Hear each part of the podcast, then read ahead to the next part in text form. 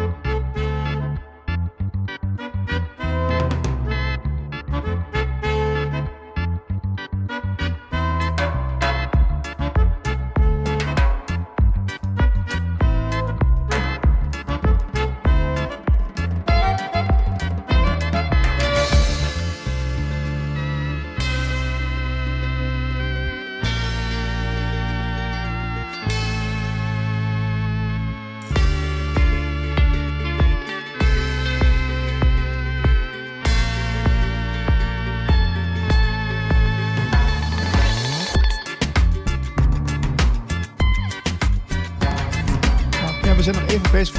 Dus de mensen die uh, ons uh, financieel steunen. Uh, en we kunnen dan zo meteen wel uh, helemaal beginnen. Marlijn die knipt altijd heel vakkundig dit stukje eraf. Ja, okay. dus, we kunnen nu wel beginnen hoor. Gaan we beginnen? Kom maar, kom maar okay. met je riedeltje. Ik, ja, ik heb niet echt een riedeltje vandaag. Maar ik, uh, nee, dat, dat, zegt Marlijn altijd. Ik heb een riedeltje. Oh. Maar uh, ik, ik, ja, ik open het dan wel. Nou, mensen, welkom. Uh, Radio Gletscher. We zijn ook oh, tegen een mailtje trouwens. Ga even mijn mail checken. Nee, fijn dat je kijkt, luistert naar dit mooie programma. Lunching en Verdoppen. We zijn er weer tot een uurtje of twee. Um, maar goed, dat maakt ook niet uit. Dit is, een, dit is een podcast die op zondag komt. Dus mensen die naar deze podcast denken, ja, wat heeft er nou voor zin? Maakt toch niet uit. Vergeet dit intro weer. Waar, waarom moet dit... Het was wel een riebeltje. Ja, het ging op zich wel goed. Het ging wel ergens heen. Ik, ik, heb, ook, ik heb ook nog een leuk boek uh, waar ik het ook even over ga hebben zometeen. Van Arjen Pasma. Die, hebben, die hebben we hier eerder gehad. Die natuurgeneeskundige. Dat is een, een boek wat uitgegeven is door de andere kant. En uh, nou, dat is een heel leuke, leuke bundel. Ga ik zo over hebben. En we hebben later in de show hebben we nog uh, Ome Daan die heb ik op Twitter leren kennen. En die, uh, die, heeft een heel mooi filmpje gemaakt over de CBDC's, hè, de Central Bank Digital Currency. Veel mensen kennen dat wel. En dan gaat hij om half twee uh, gaat hij daar een uitleg over geven. Maar we hebben eerst uh, Evelien van Dongen te gast. Evelien, welkom in de show. Dank je. Ja, jij bent, ja. Jij, jij, bent heel veel dingen tegelijkertijd, hè? Ja, ja. Ja, ik, ik heb het net ben, al even genoemd voor de mensen die, die al keken. Maar jurist, spreker en je bent ook priester. Ja. En uh, wat ik wel interessant vond. Ja. ja, ja. Wat ik wel interessant vond was uh, een tekstje dat, dat, stond bij jouw Twitter. Uh, expert helende verhalen voor persoonlijke groei. Ja.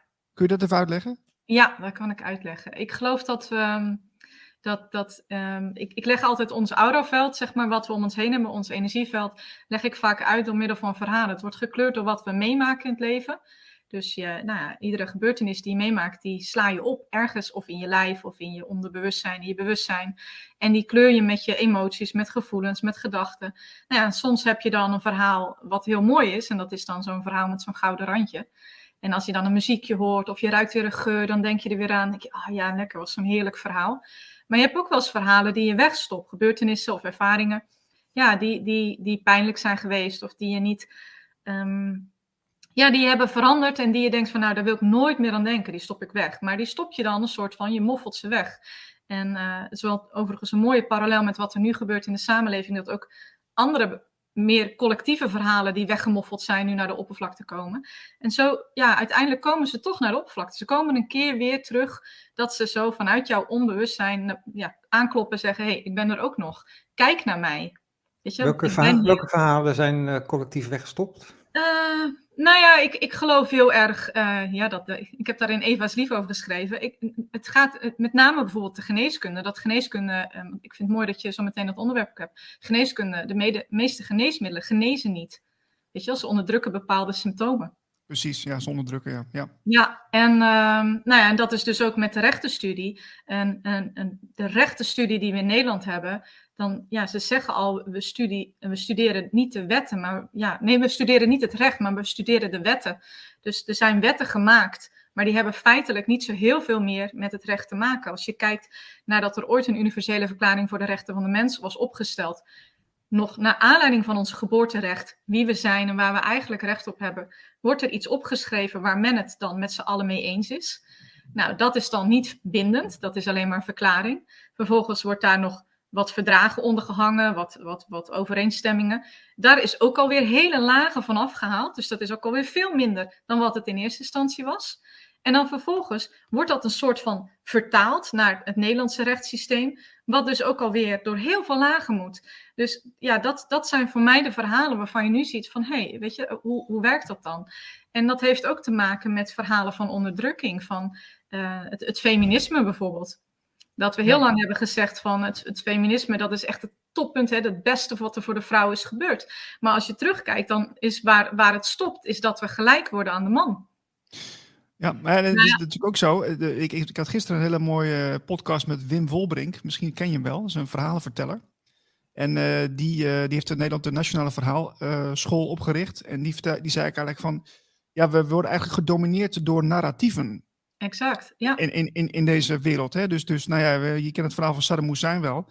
Hè? Dat, dat, dat, daar werd ook gigantisch over gelogen door, door, door, door, door grote naties. Mm -hmm. En als je dat uh, dan nu weer terugkijkt met terugwerkende, terugwerkende kracht, dan denk je van jeetje, hoe is dat zo gigantisch uh, kunnen, um, kunnen ontstaan? Hè? Die, dat, die, die grote verhaallijnen die ons gigantisch misleiden en die, die, ja, die ons wereldbeeld gigantisch kleuren. Ja, ja psychologische narrat narratief, ja. ja. En ja, daarna goed, even eerst nog terug naar die helende verhalen. En dan pak ik hem daarna weer door. Maar die helende verhalen, wat ik dus geloof, is dat die, die, die verhalen die we dus niet aankijken, die we ergens een beetje wegstoppen, of die we ja, anders on, onszelf anders vertellen, of iemand anders ons soort van vertelt, hè, door middel van herhaling, dan ga je het geloven. Want je bent wat je gelooft. En um, die helende verhalen, die zijn voor mij verhalen. Dat betekent niet dat je nog niet heel bent, maar het zijn slechts verhalen die nog niet helemaal af zijn. En niet af bedoel ik dat je ze niet hebt ingekleurd met zelfliefde. En het zijn meestal verhalen die ontstaan op het moment dat je als kind bijvoorbeeld afhankelijk bent van iemand, uh, van je ouders, van je omgeving. En er gebeurt iets en ja, dat raakt je. En je denkt dat het jouw schuld is. Dus je denkt dat je je moet aanpassen of dat je het anders moet gaan doen om erbij te horen. Om weet je, de liefde te krijgen die je zo graag wil. En dan wordt het een soort van ja, zwart verhaal, want het kleurt je. En um, Terwijl eigenlijk op dat moment heb jij gewoon niet het voldoende bewustzijn nog om het in te vullen van hé, hey, het ligt niet aan mij. Het kan ook zijn dat die ander iets heeft of nou ja, noem maar op, weet je. Maar dat je jezelf niet geeft wat je nodig hebt. En wat ik doe met helende verhalen is dat ik dus uh, mensen help om naar binnen te gaan, de weg naar binnen te vinden met een verhaal. En dat doe je door um, de hoofdpersoon een soortgelijke uh, situatie te laten meemaken, maar dan kiest hij anders ervoor. Dus zo werkt een helend verhaal, die werkt eigenlijk als een soort van haakje met een metafoor naar het onderbewustzijn. Dus uh, een heel simpel voorbeeld. Ik had een verhaal geschreven voor mijn nichtje. Die was heel erg voor haar, zo haar broertje aan het zorgen na de scheiding van haar ouders. En ze deed alles voor hem, heel het zorgen dat hij in orde had. Toen dacht ik, ja, maar dat is ook niet goed, weet je, dat zij die verantwoordelijkheid zo draagt. Dus toen had ik een verhaaltje geschreven van het konijn dat uh, de wereld droeg. En dat konijn dat liep met zijn karretje langs zijn vriendjes. En die ging allerlei spullen voor zijn vriendjes doen. Alle klusjes. En op een gegeven moment liep dat konijntje heel goed bedoeld. Natuurlijk met een hele zware kar achter zich aan te zeulen. En die had geen plezier meer. En hij keek rond in het bos en iedereen was aan het spelen, behalve hij. En ja, de moraal van het verhaal is natuurlijk dat, dat, dat hij ook dingen terug mocht geven aan anderen. Dat hij niet alles hoefde op te lossen.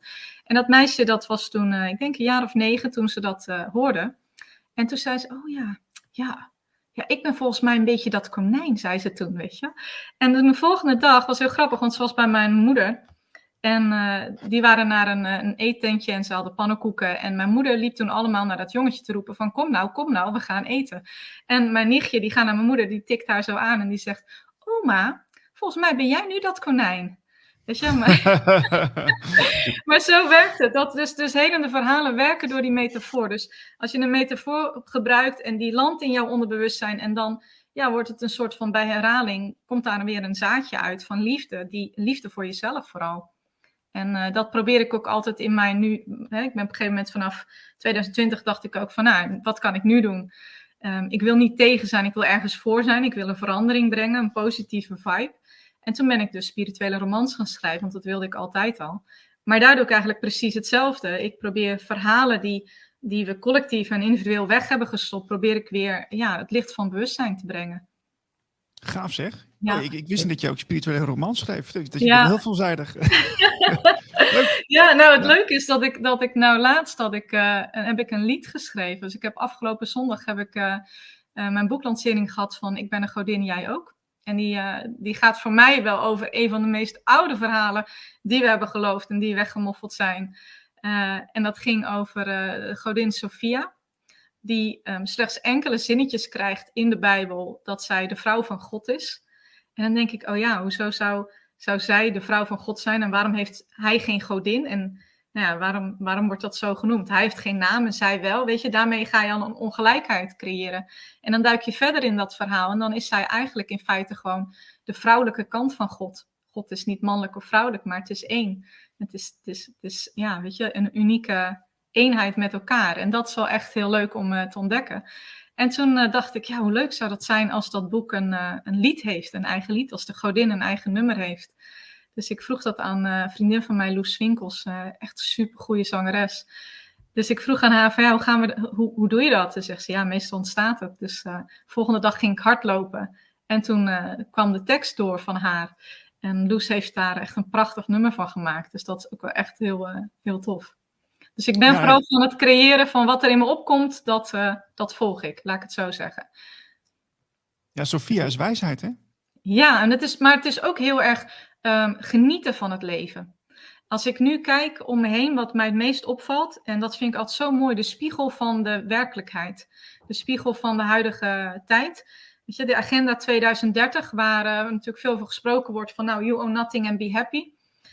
Die, die, die slaat ook de andere kant op. En uh, dan krijg je dat je bijvoorbeeld heel veel in de hele spirituele kringen, krijg je ook dat mensen zeggen van ja, we moeten eigenlijk terug naar helemaal niets. Naar het minimalisme, naar helemaal niets, naar zo min mogelijk spullen hebben. Je mag niet aan bezit hechten, je mag geen geld verdienen, we zouden geen geld meer moeten hebben. En, en, maar dan zie je, en, en dat je moet dienstbaar moet stellen aan het, aan het woord van, vanuit het universum, van een hogere bewustzijn. En dat alleen dat zuiver is, dat als je dat lijn doet vanuit wat je krijgt, zeg maar. Snap je? Ja, en, zeker. Ja, en, ja. En, en ik zie daarin ook wel een spiegel van, van dat stukje you own nothing and be happy. Maar ik zie dat ook in de theorie van Matthias de Smet over die massavorming en de massapsychose. Van waarom geloven we verhalen uh, die ons verteld worden en waarom gaan we daar massaal achteraan? Als je aan de ene kant kijkt, zie je mensen die heel erg het COVID-verhaal geloofden en daar vanuit angst en volgens hem, volgens Matthias de Smet ook vanuit een soort van identiteitscrisis, dan een gezamenlijke vijand, een zingeving en gezamenlijk daarvoor gingen staan. Um, en waarbij het mondmasker een soort van uh, ja, symbooltje werd. Van, van, Ja. da- daar konden ze elkaar aan herkennen.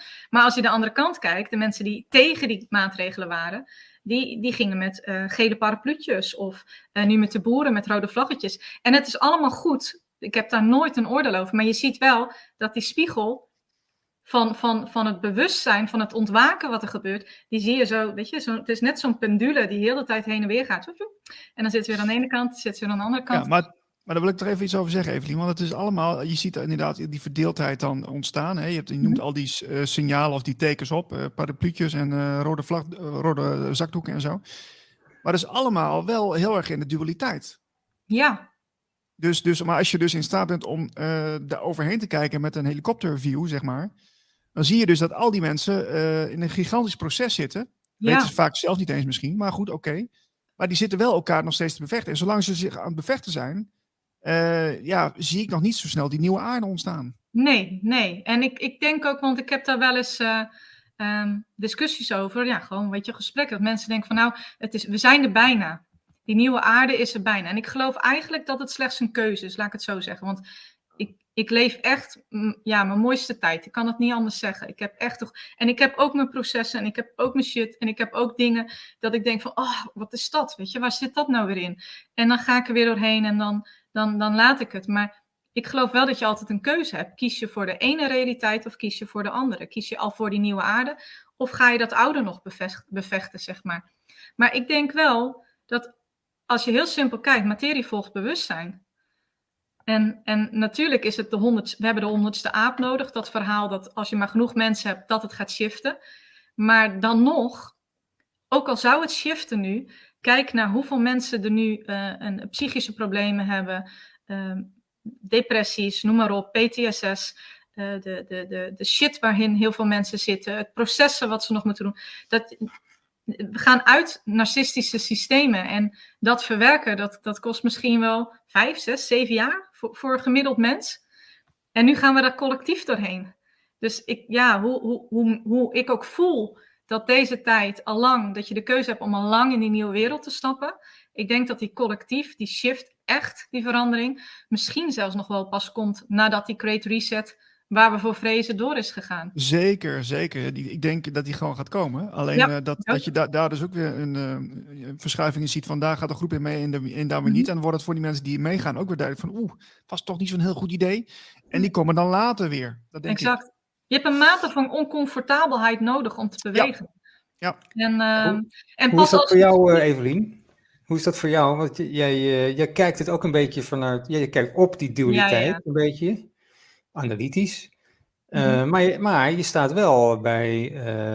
was het Vrouwen voor Vrijheid? Ja, daar heb ik in begin 2021 gestaan. Daarna niet meer. Nee. Dus dat was, dat was wel een beetje een. Uh, nee, niet zo vrouw van vrijheid hoor, want, want ik ben echt heel goed met ze. En ik, uh, en ik, ik voel, zij gaan ook een andere beweging maken, dus dat is ook heel mooi.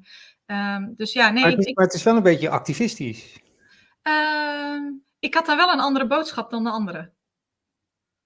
Want ik dacht juist van als ik daar kan spreken over het gouden midden. Hm? Wat zei een beetje. Marlijn zit nee, een beetje te over. Ja, nee, als ik daar kan spreken over het gouden midden, zeg maar, als je, als je daar, want dat is een hele grote groep. Maar, maar dat was toen de tijd gewoon nog niet. En dat merkte je, want toen, toen was het nog uh, het, het, het, het, inderdaad, het boos zijn. En dat mag ook, weet je. Want we, zijn, we hebben natuurlijk we hebben bepaalde dingen. We hebben het narcistisch mannelijk systeem.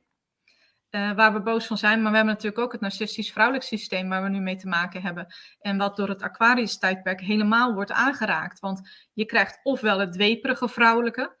En, en als je dan opstaat, dan ben je opeens de serpent.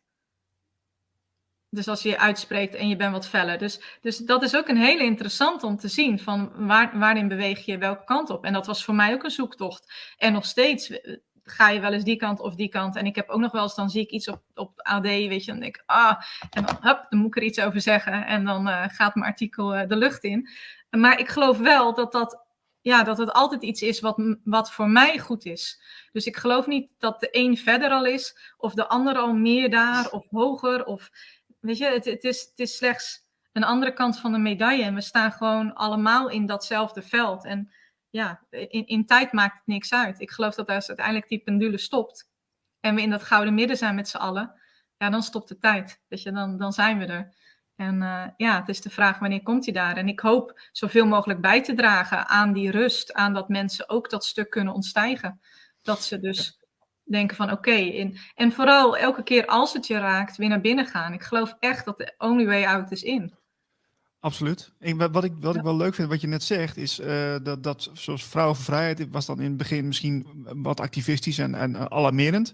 Maar dat wordt dus nu ook een andere beweging. Ik, ik sprak mm -hmm. vorige week Mordechai Crispijn, die al die demonstraties organiseert. Die, die zijn ook bezig om dat een beetje om te vormen, dat dat ja. een andere beweging gaat worden. Niet meer de strijd, maar ik denk gewoon meer bewustzijn. Ja. En dat, dat zie je natuurlijk ook bij de andere kant nu. Die ook nu uh, de andere agenda heeft met, met, uh, met meer uh, initiatieven die, die naar oplossingen zoeken. En uh, ja, het is eigenlijk gewoon, uh, dat is dat ook ja. grappig, dat het, het collectieve bewustzijn, want we werken natuurlijk allemaal mee, we zijn met elkaar verbonden. Dat als de, de ene die omslag maakt, dan zie je ook dat die andere, die andere clubjes dat ook gaan doen. Snap je? Dat dus is een heel grappig effect. Ja, ja, dus die uitslag die wordt steeds minder. We gaan steeds minder uitslaan van elkaar. En dan vinden we elkaar weer in het midden ja, dat vind ik helemaal. Maar Morrie heb ik wel eens vaker over gehad met hem. Dat ik zei van, uh, weet je, als, hij heeft ook zo'n ongelofelijke creatiekracht. Als hij ergens zijn mind op zet, dan gebeurt het. Dan krijgt hij het voor elkaar. Dus ik zeg altijd al tegen hem. Ik zeg, oh, weet je, als wij nou eens gewoon echt voor dat gouden midden gaan. Weet je, dan, uh, dan kun je bergen verzetten. Dat is echt heel tof. Ja. En uiteindelijk komen ze allemaal weer bij Radio Gletscher terecht. Ja, nou leuk. Precies. Die aardverschuiving, toch? Ja. Zo is het, zo is het. ja. ja. Um, Moet even naar het onderwijs uh, toe, denk ik. Ah. Onderwijs, ja, is goed. Ja, nou ja, vanuit het onderwijs, um, mijn kinderen lopen echt al heel hun leven vast. En uh, in, het, in het regulier onderwijs, maar ook in het uh, alternatief, zeg maar. En dat heeft meer, denk ik, te maken, enerzijds met mij als opvoeder, die Uh, ik, ik voed ze niet grenzeloos op, want daar zit ook een verschil in. Hè? Je ziet heel veel ook dat ze vinden dat kinderen grenzeloos moeten zijn, maar daar komen we weer terug op die structuur. Je hebt toch een bepaalde structuur, een bedding en kaders nodig om iets te kunnen, ja, om, om het vuur te kunnen laten branden, zodat het niet uitslaat en alles verwoest. En ehm, ja, wat ik, wat ik zag bij mijn kinderen is dat zij zijn hoogbegaafd en zij, zij ja, vinden gewoon niet die aansluiting. Ze zijn ook heel gevoelig, zijn hooggevoelige jongetjes. En, en zeg gewoon van ja, maar ik, wil, ik, ik, ik, weet niet waarom ik dat moet doen. En als ik niet weet waarom, dan doe ik het niet. En dan kan ik ze hemel en aarde bewegen, maar dan doen ze het gewoon niet. En ja, dat, dat krijgen ze, kregen ze al snel te horen van nou ja, dan, ze zijn niet zo slim of ze kunnen dat niet. Nou ja, dat werkt natuurlijk helemaal niet in het voordeel van een kind als je dat te horen krijgt, terwijl dat ook überhaupt niet waar is, maar ook ja, werkt het niet motiverend. Dus op een gegeven moment ben ik Veronique tegengekomen op een uh, meer begaafde, hoogbegaafde school.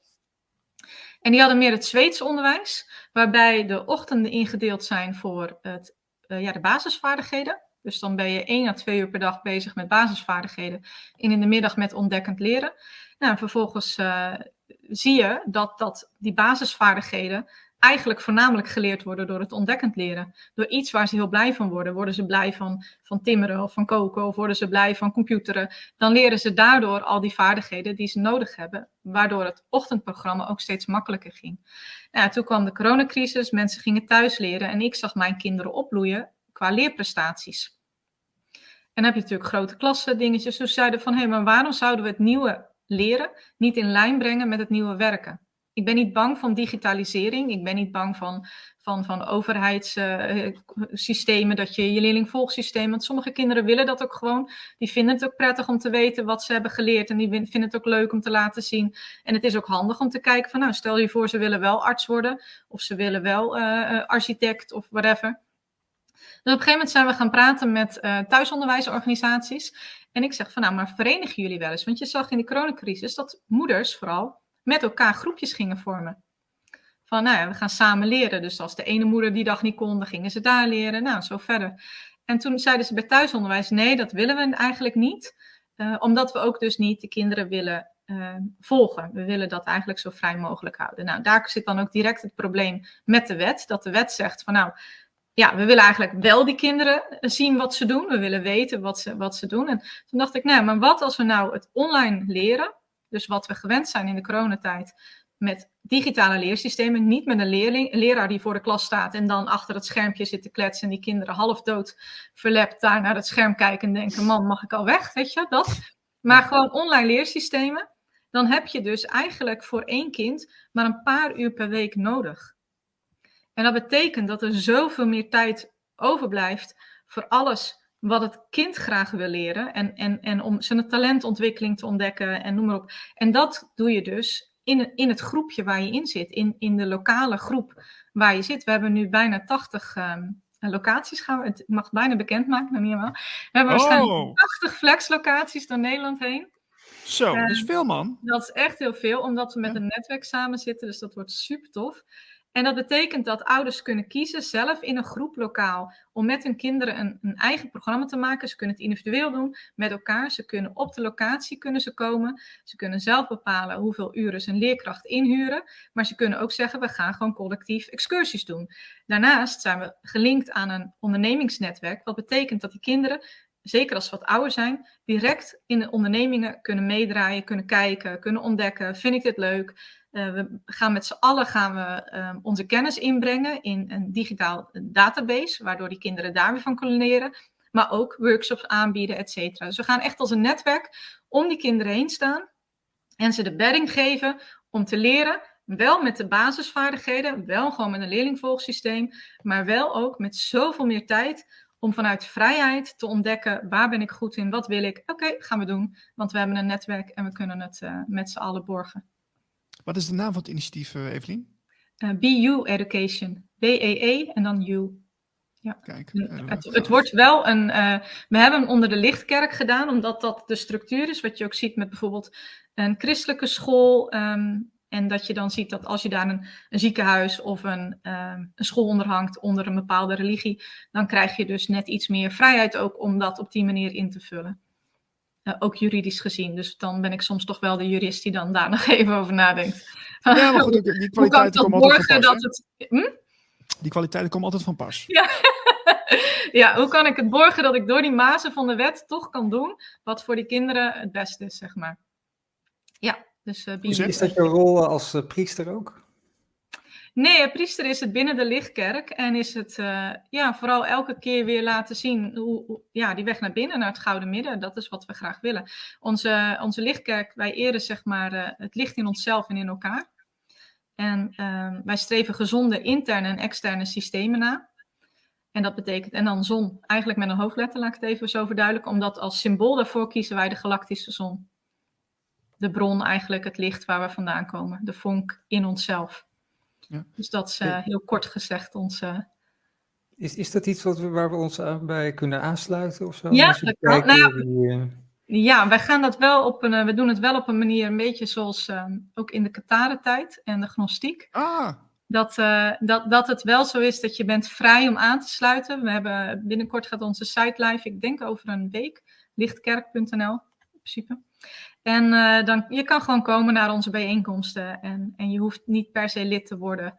Want uh, we zijn eigenlijk een organisatie zonder leden maakt het voor ons makkelijker, maar ook voor mensen om gewoon vrij toegankelijk. Weet je, er moet niet allerlei voorwaarden weer aan zitten. Wij vinden die, die, die kerkelijke structuur is al genoeg structuur uh, voor het geheel.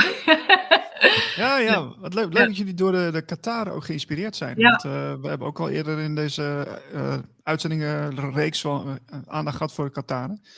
En uh, ja, dat, heeft mij altijd wel getrokken. Maar ik ben even benieuwd naar het vorige stukje, want we hadden het even over de systemen. Mm -hmm. denk jij dat we als mensen ehm, op dit moment zonder systemen kunnen? Nee, ik denk dat je gewoon complete chaos krijgt. Er is 80% van de bevolking minimaal daar nog niet aan toe. Nee, nee. nee en dat is ook liefde, hè? maar dat, dat, is, dat is natuurlijk ook liefde om daar, daarvoor te zeggen van oké, maar als dat zo is, dan, dan, dan kun je ze ook niet dwingen. Dan, dan, je kan een ander niet dwingen om te versnellen of om het makkelijker te vinden. Of, het, het, is ook gewoon liefde om te accepteren dat, dat dit is waar je staat. En dan is het de vraag aan jou, wie wil je zijn en, en welke keuze maak je? En hoe ga je daarmee om? Dat is misschien wel een leuk eh, bruggetje naar jouw andere boek. Wat ja, die heet De Bruine Hoed. Ja. Met als ondertitel De weg uit, uit... de Matrix. Ja. Hoe, hoe, uh, hoe moeten we dat doen? Wat is de weg uit de Matrix? Nou, zonder al te veel te verklappen, want het is echt een heel tof verhaal. Um, geloof ik dat, dat we onszelf gevangen houden in onze eigen gedachten. We zijn zoveel krachtiger, we zijn zoveel mega-creators. We kunnen alles doen wat we willen.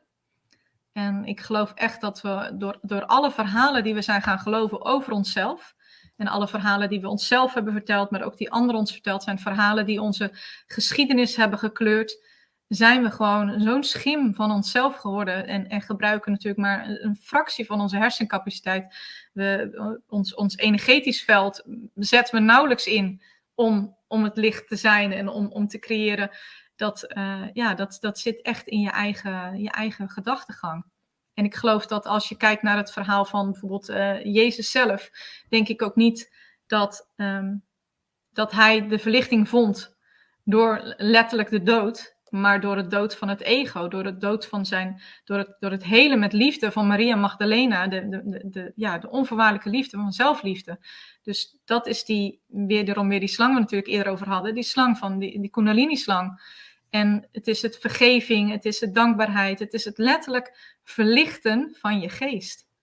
Heb je toevallig ook het uh, Thomas-evangelie uh, gelezen? Nee, nee oh, ik dat heb is wel, gelezen, maar daar ben ik nou heel benieuwd naar dan.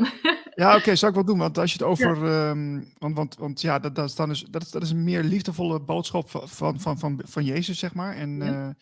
uh, en, en daar zie je eigenlijk ook dat het alleen maar over bewustzijn gaat. Dus ik heb er daar heel veel, ik had heel veel herkenning toen ik dat las. Toen dacht ik echt van ja, dit, dit gaat gewoon over het proces wat ik de afgelopen jaren heb meegemaakt. Gewoon, uh, dan snap je die metafoor ook hè, steeds. Exact, ja, ze zijn zo mooi. Al die metaforen in al die religieuze teksten.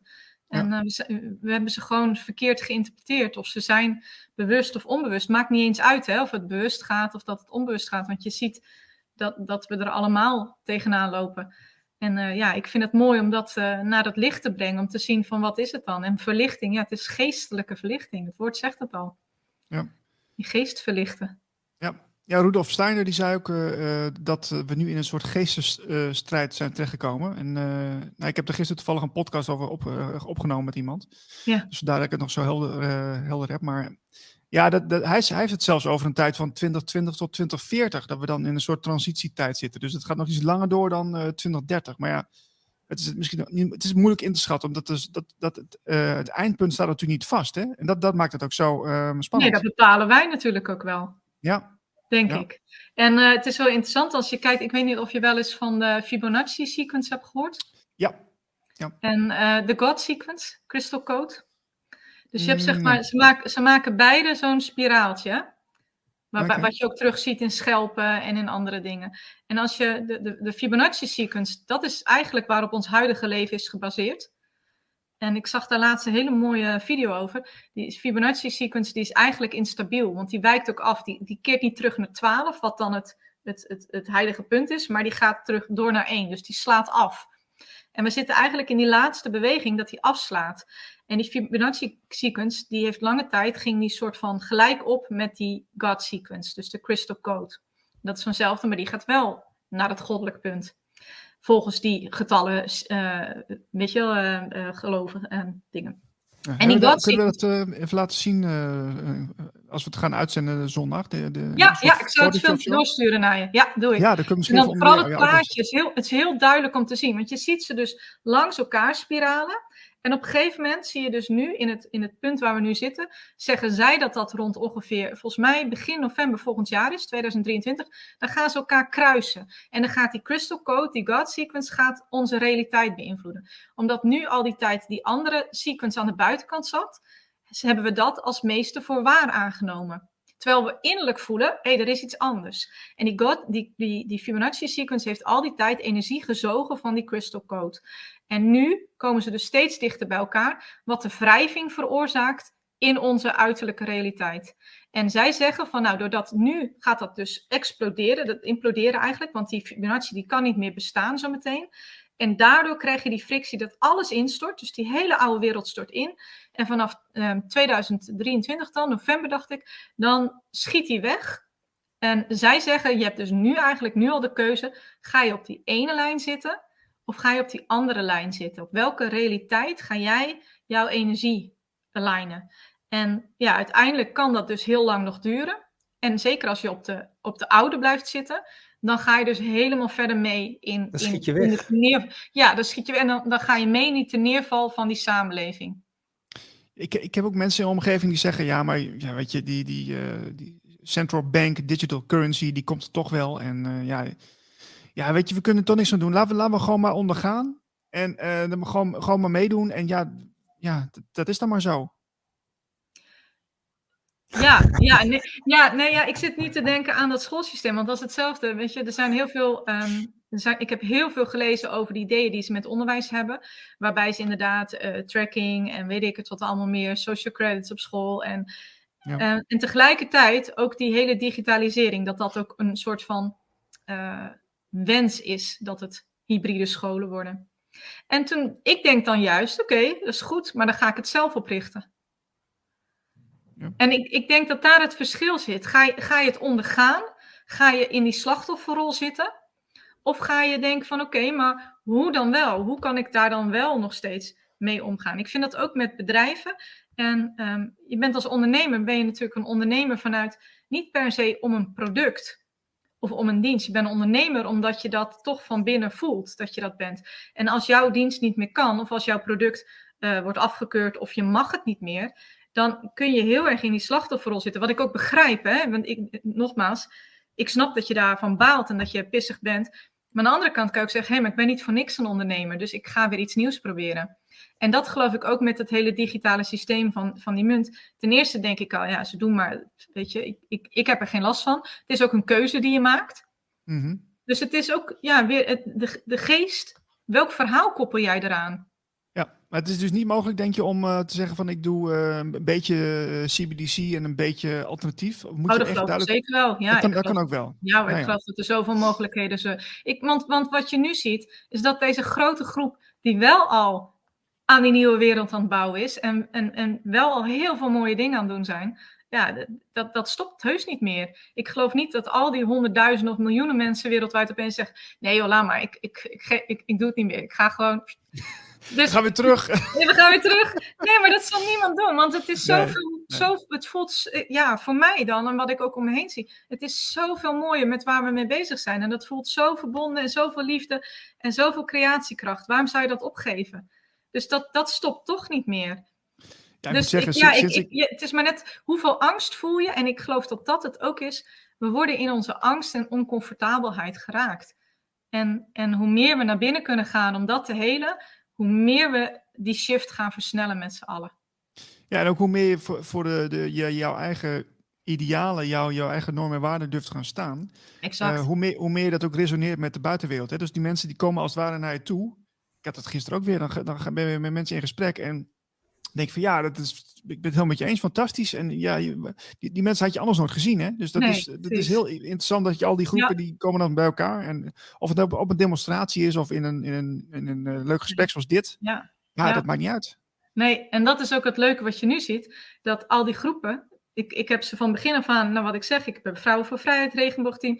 Ik ben bij uh, Weltsmatch bekend en ik, ik heb overal connecties.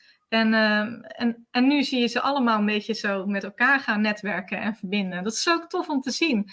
Ja, ik, ik, ik denk dan ook, weet je, hoe, hoe, hoe zouden we nu, als we nu zeg maar zeggen dat we voor liefde zijn en dat we voor verbinding en voor licht zijn. Stel dat dan echt zo meteen het zwaar wordt. Gaan we dan zeggen van ja, maar nu ben ik even alleen maar voor mezelf? Ja, ik niet. Weet je, ik geloof. Ik, ik, heb er laatst nog een, echt een, uh, een, een column ook over geschreven over het goud. Er wordt zoveel gezegd van je moet in goud investeren en uh, ja, je moet voor dit en je moet dat doen en je moet dat inslaan en dat inslaan. Maar het is een hele um, naar binnen, naar, naar jezelf gerichte beweging. Van zorg voor jezelf. Natuurlijk moet je voor jezelf zorgen. Maar als ik één ding heb geleerd ooit, was als de economie slecht gaat, moet je geld uitgeven. Weet je, dan moet je juist laten rollen. Want als wij niet meer naar. Ik hoorde laatst een econoom zeggen, die zei van ja, je, ik snap niet dat mensen nog naar het terras gaan. Ze weten niet wat op hen afkomt. Maar als we niet meer naar het terras gaan, dan gaan die ondernemers ook failliet. Ja, maar de, de, economie is ook heel een psychologisch spel. Hè? Dat zie je ook op, wat op tv gezegd wordt. Dat, dus, ze proberen de massa natuurlijk te beïnvloeden. Exact. Dus je krijgt een katalysator. Want beide groepen zeggen nu dat je minder geld moet uitgeven. En dat je vooral in goud in je geld van de bank en goud investeren. Terwijl ik geloof dat het goud in onszelf zit. Dus als ik een, een, een, vriendin kan helpen die iets moois wil gaan neerzetten, zeg ik, ik investeer in jou. Want ik geloof, hè, dat, ik geloof in het goud van ons om een mooie wereld te creëren. Dus, dus er zit een, ja, het is maar net hoe je het bekijkt in alles. Zie je kansen of ga je in, in, in een angst of in een verkramping? En als we in een verkramping gaan, dan gaat het veel sneller de andere kant op dan dat we willen. En dan kunnen we zo meteen wel zeggen van, ik zei het toch, weet je, dat ging gebeuren. Maar ja, dat is logisch, want we geven daar aandacht aan. Precies. Ja, dat is wel een beetje een eh, risico, eh, vind ik. Want je hoort veel van, uh, oh, dat komt er allemaal op ons af. Uh, de Great Reset en dit en dat.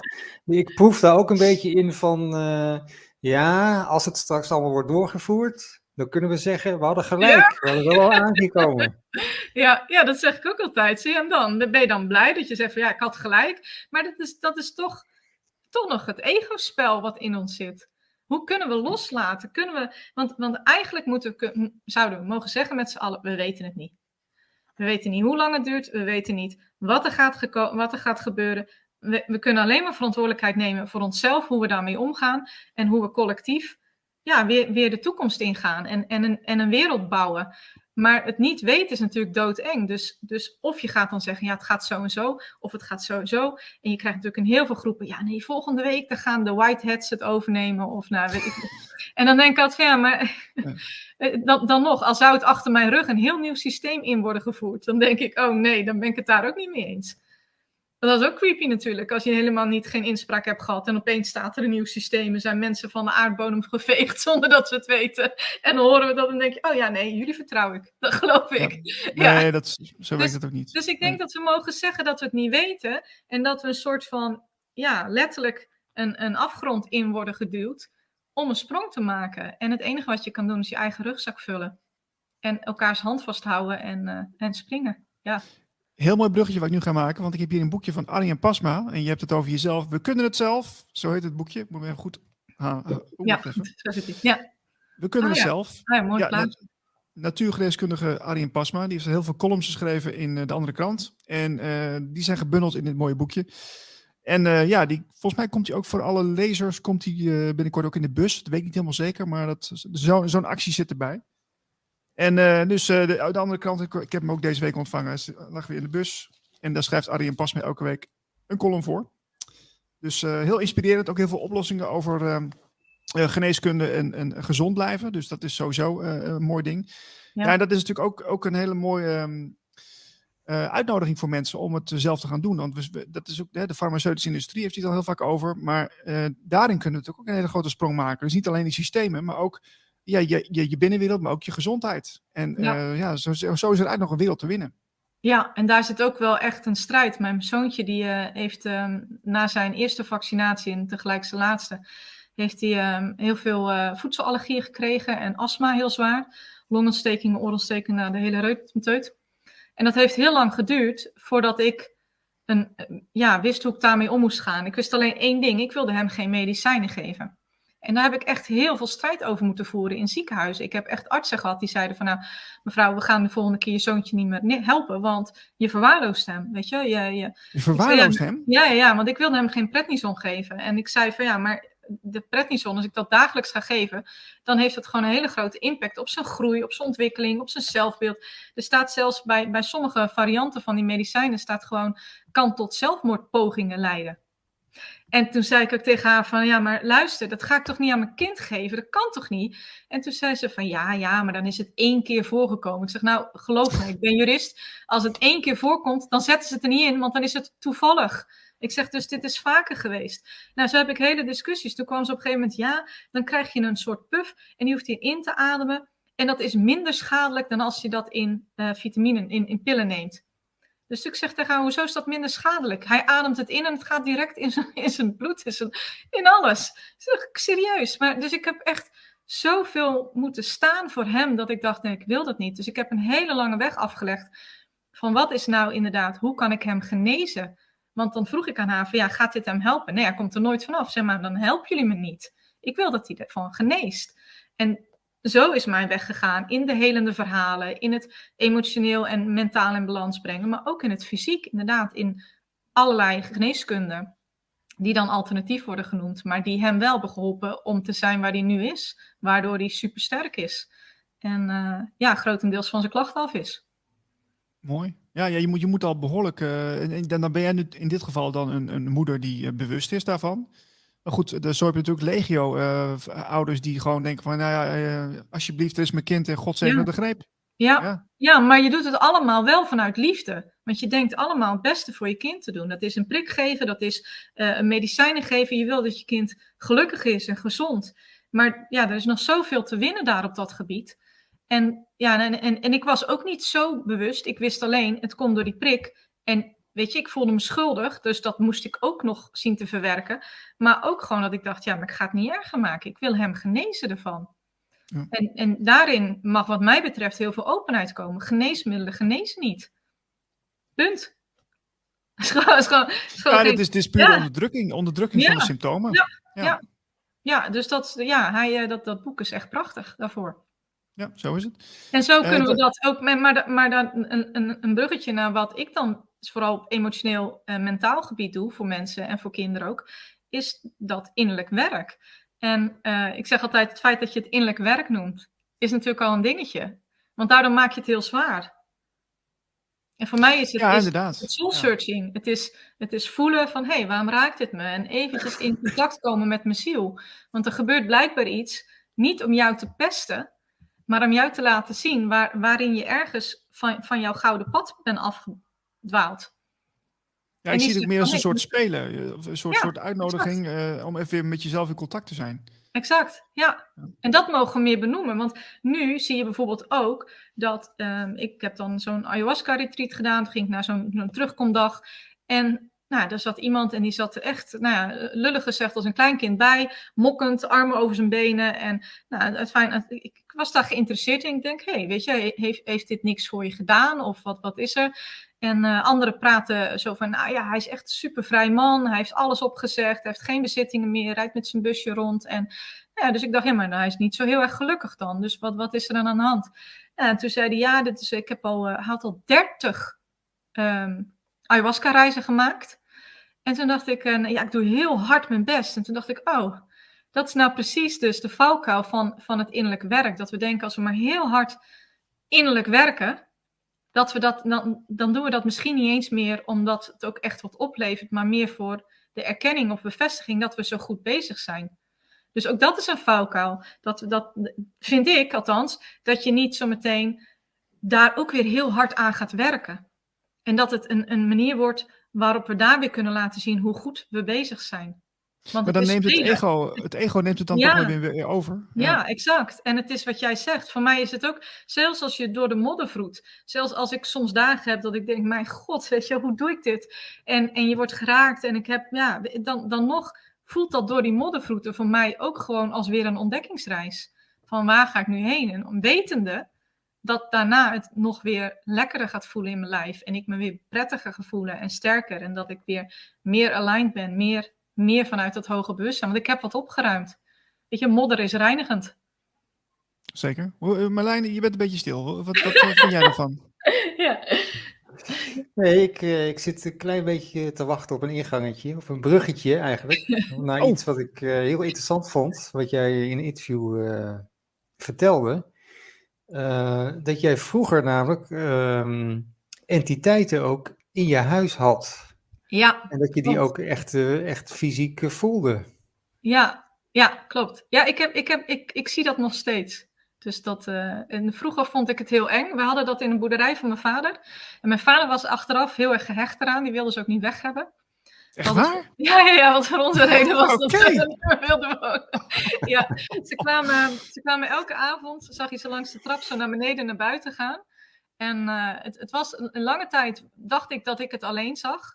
Dus uh, ik had er s'nachts last van. Ik heb ook wel eens dat ik voelde dat er alsof ik gestikt werd met een kussen op mijn hoofd. En uh, dan werd dat, weet je, dan dacht je van, oh, dan zat je te wapperen. Nou, dan ging het weer weg. En dan, dus ik, dat was heel, heel onprettig. En mijn broertje heeft dat toen ook gehad in die boerderij. En uh, nou, fijn, we hebben wel eens mensen de gordijn, iets, iemand de gordijn zien openen en dicht doen als we thuis kwamen. Dat we dachten, hé, hey, is er iemand binnen? Nou, er was er niemand natuurlijk. Mm. Spullen die verdwenen. Dus wel, wij hadden er echt last van. En uh, toen is mijn moeder uit huis gegaan. Die, mijn ouders gingen scheiden en toen kwam zijn nieuwe partner op een gegeven moment daar. En die zag ze ook, die had er ook last van, die was ook heel het spullen kwijt. En die zei, hij mag me niet, die geest. Weet je?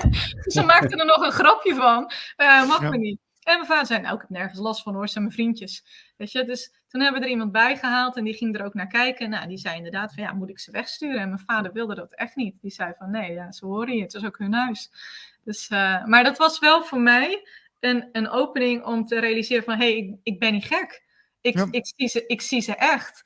En ik heb het de laatste tijd heel vaak dat ik dus, uh, maar mijn kinderen hebben dat ook. Dat wij ook soms, ik noem het altijd een glitch, dat we denken dat we opeens is er iemand. En dan denk ik, hé, hey, die was er net nog niet. Dus, en, en die glitches, die vind ik wel heel tof. Want dat betekent dat eigenlijk die andere realiteit er al is. En dat ik alleen nog maar hoef te kiezen, weet je. Alleen nog maar over dat stapje hoef te doen. Ja, in het ooghoek, hè. Dat je even denkt, ja, ja, ja, er gebeurt wat. Ja, ja, ja, ja. ja, dus, uh, ja. waren die uh, entiteiten, hoorden die bij dat huis? Waren dat oude bewoners of zo? Nou, of, uh... ja, het waren oude bewoners, man, een vrouw en een kind. En we hebben eigenlijk niet nagevraagd van, nou ja, wat, wat is er dan gebeurd en waarom zit ze dan nog? Maar uh, ja, ik, uh, we hebben ze gelaten. Ja. Oké. Ik had vroeger ja. wel, en dat was heel eng, uh, dat ik, dan, maakt niet uit waar ik dan was, volgens mij, volgens mij was ik vaak thuis, maar ik, dan voel je zo'n energie en die voel je zo mm -hmm. echt op je af, gewoon naar je gezicht toe komen. Je voelt het echt, nou ja, ja, fysiek bijna. En uh, dat had ik uh, af en toe. En toen dacht ik van, uh, nou, ik, dit wil ik helemaal niet meer. Dus ik heb toen echt gezegd van, en nu, en nu ophouden mee. en toen is het ook nooit meer gebeurd. Ja, dus, ja nee, dat klopt. Dat zeg ik ook tegen mijn kinderen. Van ja, als je het niet wil, dan moet je dat heel duidelijk uitspreken. Ik heb dat vroeger ook gedaan. Maar toen mijn opa overleed, was ik 16. En uh, toen had hij, um, hij vond het heel moeilijk om afscheid te nemen natuurlijk van, van de kleinkinderen. Dus hij had ons weggestuurd en gezegd van ja, nou opgedonderd, weet je wel, een beetje zo plat, platsliederig uh, praat. Ja. Opgedonderd uit die kamer, uit die ziekenhuiskamer en uh, wegwezen. En dat vond ik echt heel erg moeilijk. En uh, toen heb ik heel lang gedacht van ja, waarom heb je geen afscheid genomen? Want hij was echt mijn, ja, de, de, de man, zeg maar. Niet mijn vader, maar hij was de man in mijn leven, zeg maar. In, in mijn jonge jaren. En toen op een gegeven moment stond hij dus een keer aan mijn bed. in zijn nette pak, wat hij nauwelijks droeg, maar in zijn nette pak stond hij aan mijn bed, na zijn overlijden dan. Hè. En hij deed zijn hoed af en hij zei ze van, nou, zo goed, weet je wel. En, maar daarna dacht ik van, oké, ik kan ze zien als ik het wil. Dus ik, er is nu een opening, dat is hetzelfde als dat ik ehm, eh, met mijn vader praat nadat hij is overleden en dat ik ja, weet je, informatie krijg van de andere kant van, van mijn uh, schoonzusje, die is een paar jaar terug overleden helaas. Maar ook in haar stervensproces, daar was ik niet bij, maar heb ik met haar kunnen praten en heb ik haar kunnen helpen. En uh, ja, dus, dus nadat ik toen de keuze maakte van ik, ik wil dit helemaal niet, ik wil hier niks mee, merk ik nu dat het me juist heel veel input geeft. En dat ik er ook niet meer bang voor ben. En dat is hetzelfde met als ik schrijf, dan schrijf ik gewoon ja, het is eigenlijk bizar dat ik achteraf denk van, heb ik dit geschreven? Want het, het stroomt gewoon. Het, ik, ik, schrijf die woorden en ik ben nu met een boek bezig dat heet 10 jaar duisternis. Dus dat is een leuke. Dus uh, op basis van de agenda 2020-2030 ah. helemaal, helemaal los in elke complottheorie die er is. En verwerk ik dat weer van alle kanten met de hoofdpersoon dat je echt denkt... Nou, pas aan het einde van het verhaal denk je, hè? wat is hier gebeurd? Dus die man die gaat er heel veel. Het is echt een psychologische thriller meer. Ehm, en, maar daarin geef ik ook aan van, weet je, dat, dat, dat als ik aan het schrijven ben, dan heb ik soms stukken geschreven en dan pas een dag later komt die informatie op mijn pad. En dan denk ik, oh hoe wist ik dat nou? Dus dan, maar dat is voor mij dan bevestiging oké, dan mag dat in het boek blijven staan, want dat is blijkbaar wat er gezegd moest worden. Maar ik heb dat heel vaak, dat ik als ik schrijf, komen er zoveel dingen in me op. En dan, ja, mijn schrijfcoach uh, Christine Pannenbakker, die zegt dan altijd van hoe kom je erop? Ik zeg, ik heb geen idee. En dan pas vaak daarna krijg ik de bevestiging of krijg ik opeens een video of een berichtje van iemand van hé, hey, heb je dit stuk gelezen? En dan denk ik, hé, hey, dat heb ik net opgeschreven. Dus dat is echt heel bijzonder. Dus en zo ontstaan eigenlijk al mijn uh, laatste boeken. Die, die spirituele romans en wat ik schrijf is gewoon echt, ik schrijf en er komt van alles door en ik schrijf het gewoon. Ik denk, nou, dan moet dat erin. Ja, je Heb je ook het idee? Oh. Productie ook. Wat zeg je? Je hebt een enorme productie ook. Ja, ja momenteel heel erg. Uh, kinderboeken, zoals ja. De Magische Wereld, schrijf je. Dus, uh... ja. ja, ik heb nu echt bijna vijf boeken in twee jaar geschreven. Dus dat is echt. Zo! Wat, uh, wat, productief man, knap. Ja, maar het stopt ook niet, dus ik kan er ook niks van doen. Ik moet wel. Het is niet altijd, ik, ik, ben niet altijd even uitgerust. Ik, ik, word ook heel vaak s'nachts wakker en dan uh, komt de inspiratie. En dan denk ik, oh ja, oké, dus dan uh, moet ik gewoon anderhalf uur daar, daar soort van naar luisteren en, en, het, en het verwerken. En dan denk ik, oké, weet je, nou goed. Ja. Heb je ook het idee, Evelien, dat wanneer je bezig bent met schrijven, dat je dan eigenlijk um, in verbinding staat met iets wat, ja. wat door jou spreekt? Ja, want het zijn. Ik heb dat ook als ik dus spreek bij de Lichtkerk, maar ook bij mijn uh, uh, boekpresentatie afgelopen zondag. Als ik dan spreek, dan is het vaak, dan denk ik, hè, wat zeg ik nou? dat het inderdaad gewoon, ja, het zijn de woorden die ik mag zeggen. En hoe meer ik stil ben van binnen, hoe meer ik echt alles wie ik ben los kan laten. Want dat is dan weer terugkomend op die identiteitscrisis, waar natuurlijk veel het over hebben. Wat de aanleiding is dat we dus alles maar geloven. Ja, als we niet weten wie je bent, dan, dan kunnen ze je alles wijs maken. Daar komt het eigenlijk op neer. Maar als je weet dat je eigenlijk gewoon alleen maar licht bent, is geen enkel verhaal waar. Dus ja, wat, wat, dan hoef je ook niks meer te geloven. En dan kan je alles wat je binnenkrijgt gewoon ja, transformeren of, of gebruiken. Gaaf. Ja. Hey, wordt het niet een keer tijd dat je een, een podcastreeks gaat maken of zo? Of een programma gaat presenteren? De... Ik, ja, ik, ik ga een talkshow doen. Oh, kijk. Ja, dat is al solo. Ja, wat zeg je? Ik zat toch goed. Ja, ja, nee, ik vind dat al heel leuk. Maar ik vind het leuker omdat uh, ik, ik hou van co-creëren. Dus ik, ik vind het niet zo leuk om iets in mijn eentje te doen. Ja, het schrijven, weet je, dat is al een heel eenzaam. Nou, eenzaam niet, maar dat doe je echt in je eentje. En ik voel me het gelukkigst als ik schrijf, eerlijk. Maar misschien juist ook omdat ik dan dat lijntje heb. Dat ik zo voel van, oh, ik ben helemaal verbonden en ik heb niks anders nodig. Dit is echt alles, alles wat, ik, wat ik nodig heb. Maar het, uh, de, de, talkshow die, uh, wordt altijd met een co-host. En dan doen we een soort van ronde tafel uh, gesprekken met, met de organisatie die ik binnenkort bekend ga maken. Ja. Spannend hoor. Ja, is heel leuk. Is heel leuk. En dan, maar je dat kan helemaal niet, Evelien. Evelien, dit kan helemaal niet. Dit kan, dit kan allemaal niet in één persoon zitten. Want je, je, je, bent, kiest, je bent ook nog coach. Ja, ja. Je coacht ook nog mensen. Ja, ja. Ja, ik heb heel lang heb ik uh, kinderen gecoacht met depressies. Ja. Oké. Okay. Als gezinscoach. Ja. Het zijn wel best wel, wel, wel zware onderwerpen. Ja, maar ik denk dat dat ook wel te maken heeft dat ik vroeger zelf ook heel erg depressief ben geweest. Dus ik geloof altijd van je kan, je, ik, toen mijn oudste, dus mijn, mijn, mijn zoontje, tegen dingen aanliep, liep ik wel eens met hem binnen bij een maatschappelijk werkster of wat dan ook. Dat ik dacht van nou, ik heb hulp nodig, want je kan niet alles alleen. En dan kreeg ik heel vaak te horen van ja, ja, ik begrijp je. En dan dacht ik van oké, heb je zelf ook zoiets meegemaakt? Nee, dat niet. En dan dacht ik, ja, maar dan, dan begrijp je me helemaal niet, weet je. Dus wat, wat moet ik nou? Dus toen, toen kwam ik op het systemisch werk. Dus ik ben uiteindelijk met systemisch met helende verhalen gaan werken. Omdat ik geloof dat ja, eigenlijk alleen maar vanuit je eigen ervaring iemand kan helpen. En juist het delen van mijn ervaring kan zo'n kind helpen. Dat hij denkt van, oh, maar ik ben niet de enige. En ik ben niet gek. En als ik tegen ze zeg van, moet je kijken, weet je. Ik heb daar en daar toen zo lang mee geworsteld ik zeg, ben, hè, dan was ik 30 of 40 wanneer ik met ze praatte. En dan zei ik, maar ik heb zo lang nodig gehad voordat ik daar mijn rust in vond. Ik zeg, en als ik dat met jou voor elkaar krijg binnen nu en twee, drie gesprekken. Ik zeg, dan heb je 30 jaar op me gewonnen. Hoe tof is dat? En dan zie je die kinderen ook van, oh ja, weet je. Dus, dus, maar het is juist omdat ik dacht, ik, ik, ik begrijp ze. En heel veel mensen begrijpen ze niet. Want die denken dat ze een issue hebben. En ik geloof niet dat een depressie een issue is. Nee, of, of je hebt inderdaad, krijg je weer een stempeltje van je hebt een, uh, een bepaalde afwijking. En dan kan er weer uit het DSM-boek kan het weer uh, geschrapt worden. Zo van, ja, oh ja, dan heb je dat. Ja, en dan krijg je weer een medicijn of je krijgt wat anders. Terwijl een depressie niks anders is dan jouw ziel die je roept om je te verbinden, om, om naar binnen te gaan.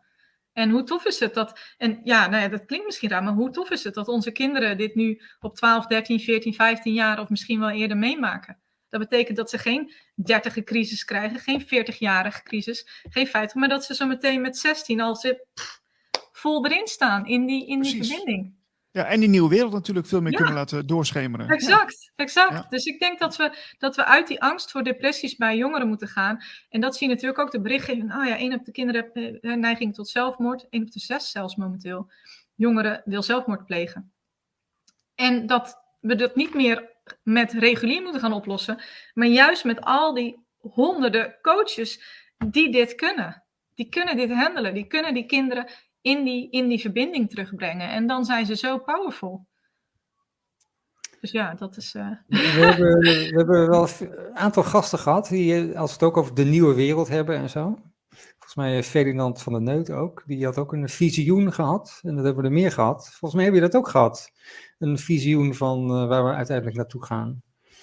Nee, ik vind het wel heerlijk. Ja, nou ja, ik heb in Eva's Lief heb ik daar wel over geschreven dat ik wel geloof dat uh, de basis zou moeten zijn, of zou mogen zijn, eigenlijk waar ook mensenrechten vandaan komen, dat we allemaal gelijkwaardig zijn. En dat op het moment dat je al kijkt van, hé, hey, er is een, we betalen voor grond. Je mag eigenlijk nergens, je wordt geboren, maar je mag nergens wonen, want je moet eerst voor de grond betalen. Dat is toch bizar?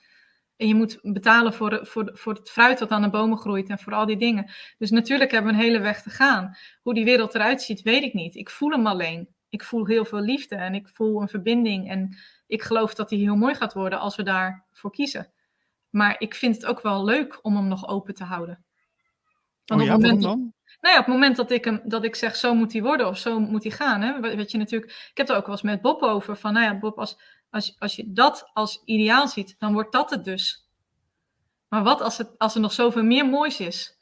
Als het nog veel anders kan gaan? Weet je, kunnen we binnen de kaders die we hebben, de, de, de grondwaarden die we met z'n allen nastreven, kunnen we het gewoon loslaten en kunnen we het laten ontstaan? Zowel in de, in de evenementen die ik doe als met de lichtkerk, wij laten het ontstaan. Dus we hebben wel een kader, maar voor de rest ontstaat het zoals het ontstaat. Dus dat is ook weer die vrouwelijke energie van de creatie durven toelaten. Ja, want we, we, spreken natuurlijk uh, over het algemeen over twee narratieven, zeg maar. Maar ik denk dat voor die nieuwe, voor die nieuwe aarde heb je waarschijnlijk veel meerdere opties nog. Hè? Dus er zijn allemaal tijdlijnen die elkaar doorkruisen en uh, wie weet wat er gaat gebeuren. Ja, maar dat is toch ook leuk? Dat is toch ook spannend? Als je in een achtbaan zit en je zit daar zo omhoog, dan denk je, oh, weet je, waarom kunnen we er niet van genieten dat we het niet weten? Dat, we, dat we zo meteen naar beneden denderen. En dat, maar dat we wel weten dat we elkaar, weet je, we got each other's back, dat we dat hebben. Nou, dan zien we wel. Vanuit goede intenties kun je heel veel mooie dingen creëren. En dan kan het nog mooier worden dan wat we nu denken. Maar we, we, willen graag ergens aan vasthouden. En misschien juist dat vasthouden, of het nou een externe redder is, een, een, een Mona Keizer die dan iets goeds deed, of nu de Caroline van der Plas, of weet ik het, wie je maar noemt. Er moet blijkbaar altijd iets zijn waar we aan vast willen houden. Maar ik denk dat die onthechting zorgt voor die geestelijke verlichting. En als je het loslaat, dan kan je die dive maken. Ja. ja, ik heb er zin in. ja, ja, ja. Ja, wij zijn dit programma ook al ruim een jaar mee aan de slag. Dus wij, wij, wij, wij, eh, hopen ook steeds meer dat soort mensen te spreken. Eh, zoals jij natuurlijk, maar ook uh, heel veel anderen die dat laten zien. Uh, met oplossingen en ook mooie verhalen die inspireren. Hè? Dat is ook heel belangrijk. Ja, ja, ja, dat zeker. We mogen elkaar mooie verhalen gaan vertellen. De juiste verhalen. Verhalen die, die, die inderdaad in spirit brengen. Zo is het. Heb, je nog wat, uh, heb je nog wat websites uh, te pluggen of zo? Ja, je doet, je doet bijna niks, dus uh, je, je, pluggen. Nee, je bent heel, heel weinig, Evelien. Jeetje. Ja, ik, ik, ja nee, ik, ik doe ook heel veel hardlopen, dat heb ik nog niet verteld. En kickboksen. Oh, oké. Okay. en kickboksen zelfs? Oh, ja. Wow. ja, ja. Ja, een hele andere tak van sport. Nee, um, nee ja, ik heb gewoon binnenkort mijn nieuwe website, evelinevandongen.com. En nu is het nog innertreasure.nl. Maar ik ga, ik ga hem spitsen, want ik wil, ik vind eigenlijk ook als je kijkt naar het uitgeverschap, dat in de hele uitgeverswereld vind ik ook nog steeds zoveel ingewikkelds uh, worden gedaan voor eigenlijk feitelijk niks, vind ik echt ik heb gewoon een lijstje en daarmee kun je uh, ja, bij mij gewoon vragen van, nou, wat moet ik doen om een boek uit te geven? Nou, hier heb je hem, met lijstje. En ik wil vanuit In het Treasure wordt een soort van cluster uitgegeven. Dus mensen die een eigen boek uit willen geven, ik wil met liefde helpen, ik hoef er helemaal niks voor, want het, het kost mij ook niks. Het is gewoon je lijstje geven en ja, we delen de kosten die het jou kost om je aan te melden, weet je, that's it. Dus, um, dus In het Treasure wordt mijn uitgever van boeken die in spirit brengen. En op mijn eigen site ga ik verder met mijn eigen dingen. Ja. Leuk. En uh, je die talkshow waar je het over had, uh, ja, die kunnen wij die nog ergens zien binnenkort? Want dat nog niet, de eerste is in januari. Dan ga ik hem met jullie delen. Ah, oké. We hebben ook nog heel veel nieuws uit, uh, over januari, maar daar komen we zo meteen wel even op. Um, ja. Evelien, leuk dat je bij ons was. Ja, leuk.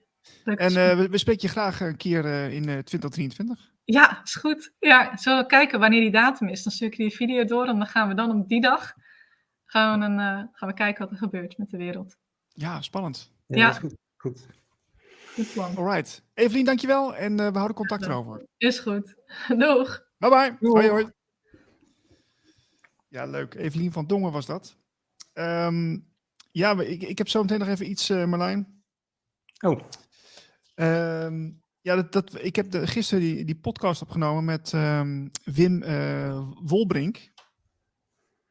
Uh, wacht even hoor. Toch even laten zien. Ik heb dus uh, ter inspiratie had ik dus die boekjes meegenomen, want het ging over Rudolf Steiner. Hè, eigenlijk hoe zijn. Eindelijk uh, hebben we het over Rudolf Steiner in de show. ja, dat, dat werd, ik, kreeg, ik kreeg er zelfs mensen aan de telefoon over. van ga nou eens een keer over Rudolf Steiner praten, want jullie praten nooit over Rudolf Steiner. Nou, oké, okay, nu dus wel. Uh, ruim 40 minuten. En um, ja, dat, die, die Wim Wolbrink, dat is een, is een verhalenverteller. Die heeft ook de, de, de Nationale Verhaalvertelschool heeft hij opgericht. En uh, hij geeft dus uh, verdiepende avonden over um, ja, de, eigenlijk het, de, visie, de filosofie, de filosofie van de vrijheid van Rudolf Steiner. En uh, daar geeft hij dus verdiepende avonden over in, als een soort vertelmodule, met, wel online trouwens, maar goed, hij kan het ook lekker offline doen. Maar ik had een aantal boekjes meegenomen die ik zelf heel leuk vond. Die heb ik zelf in het verleden gelezen over Rudolf Steiner. Er zijn voordrachten over bijvoorbeeld uh, omgaan met stress en nervositeit is eens eentje. Uh, ik heb hier eentje over uh, Atlantis en Lemurië. Uh, hele kleine boekjes die gewoon heel makkelijk toegankelijk zijn. Ook over de opvoeding van het kind bijvoorbeeld. allemaal zijn eigen visie erop. En ehm, dat is leuk om te weten, want het, het, geeft een hele mooie verdieping. vooral in de tijd waar we nu in leven. Want um, hij voorzag het al. Hij voorzag al dat er een soort splitsing zou komen.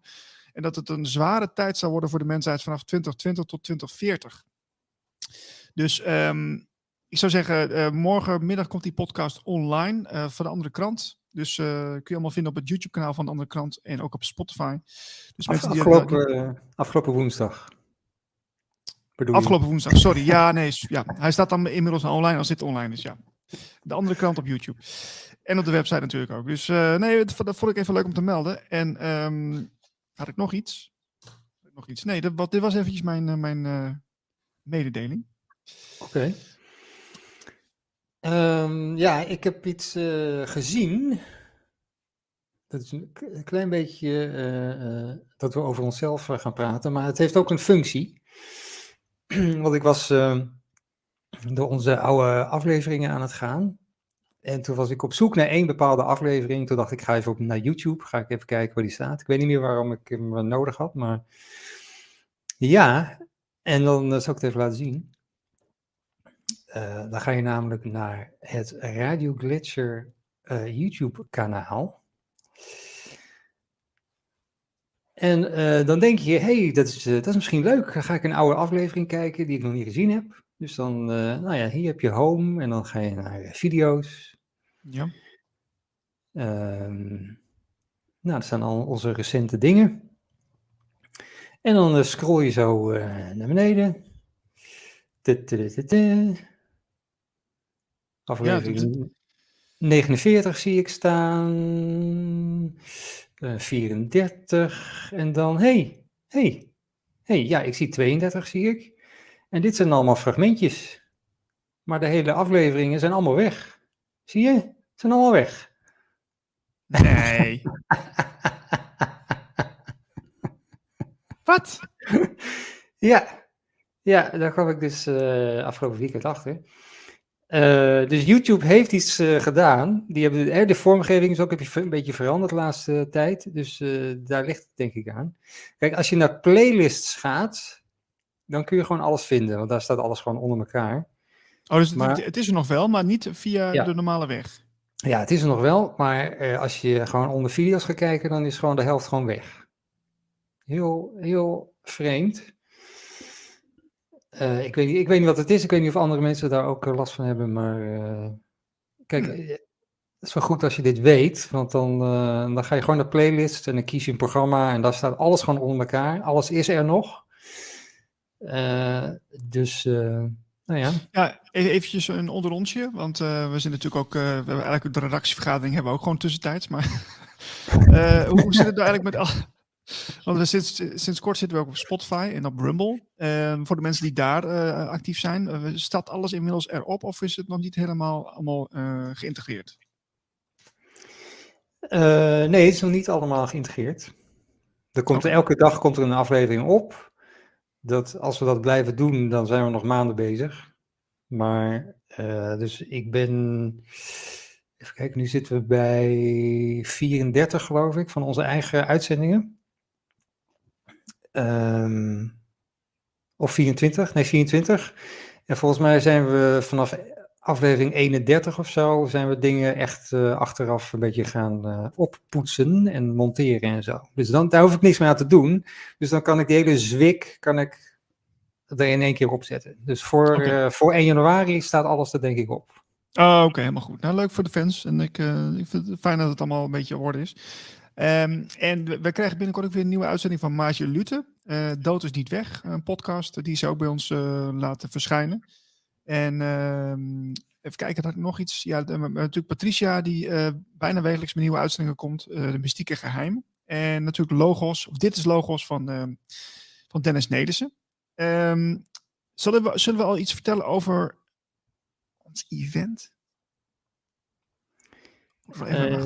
Nou ja, ja, vertel maar. Ik weet niet wat je wil vertellen, want er is nog heel weinig. Uh... nou, ik, ik, ik, ik, ga het heel voorzichtig brengen. Dus mensen kunnen het ook nog niks mee waarschijnlijk. Maar volgend jaar, dat is al best snel, uh, gaan we een samenkomstdag uh, doen. Een soort event voor um, luisteraars van Radio Gletscher. Maar ook gewoon mensen die bij ons een podcast maken. En die komen die dag even gezellig samen. Eventjes kennis maken, een beetje snuffelen, een beetje hallo gezellig doen en kijken hoe het gaat. Nou, nou. Dus je kunt erbij zijn. We, we, gaan ook een aflevering uh, maken dan. Ja, dat is, we gaan ook nog even een uh, uitzending maken. Uh, dat is het idee. We weten niet waar het precies is, want we zijn nog, we zijn nog aan het zoeken voor een locatie. Dus mensen die in Utrecht wonen of daar in de buurt en die misschien een leuke locatie voor ons hebben, stuur even een mailtje met een suggestie.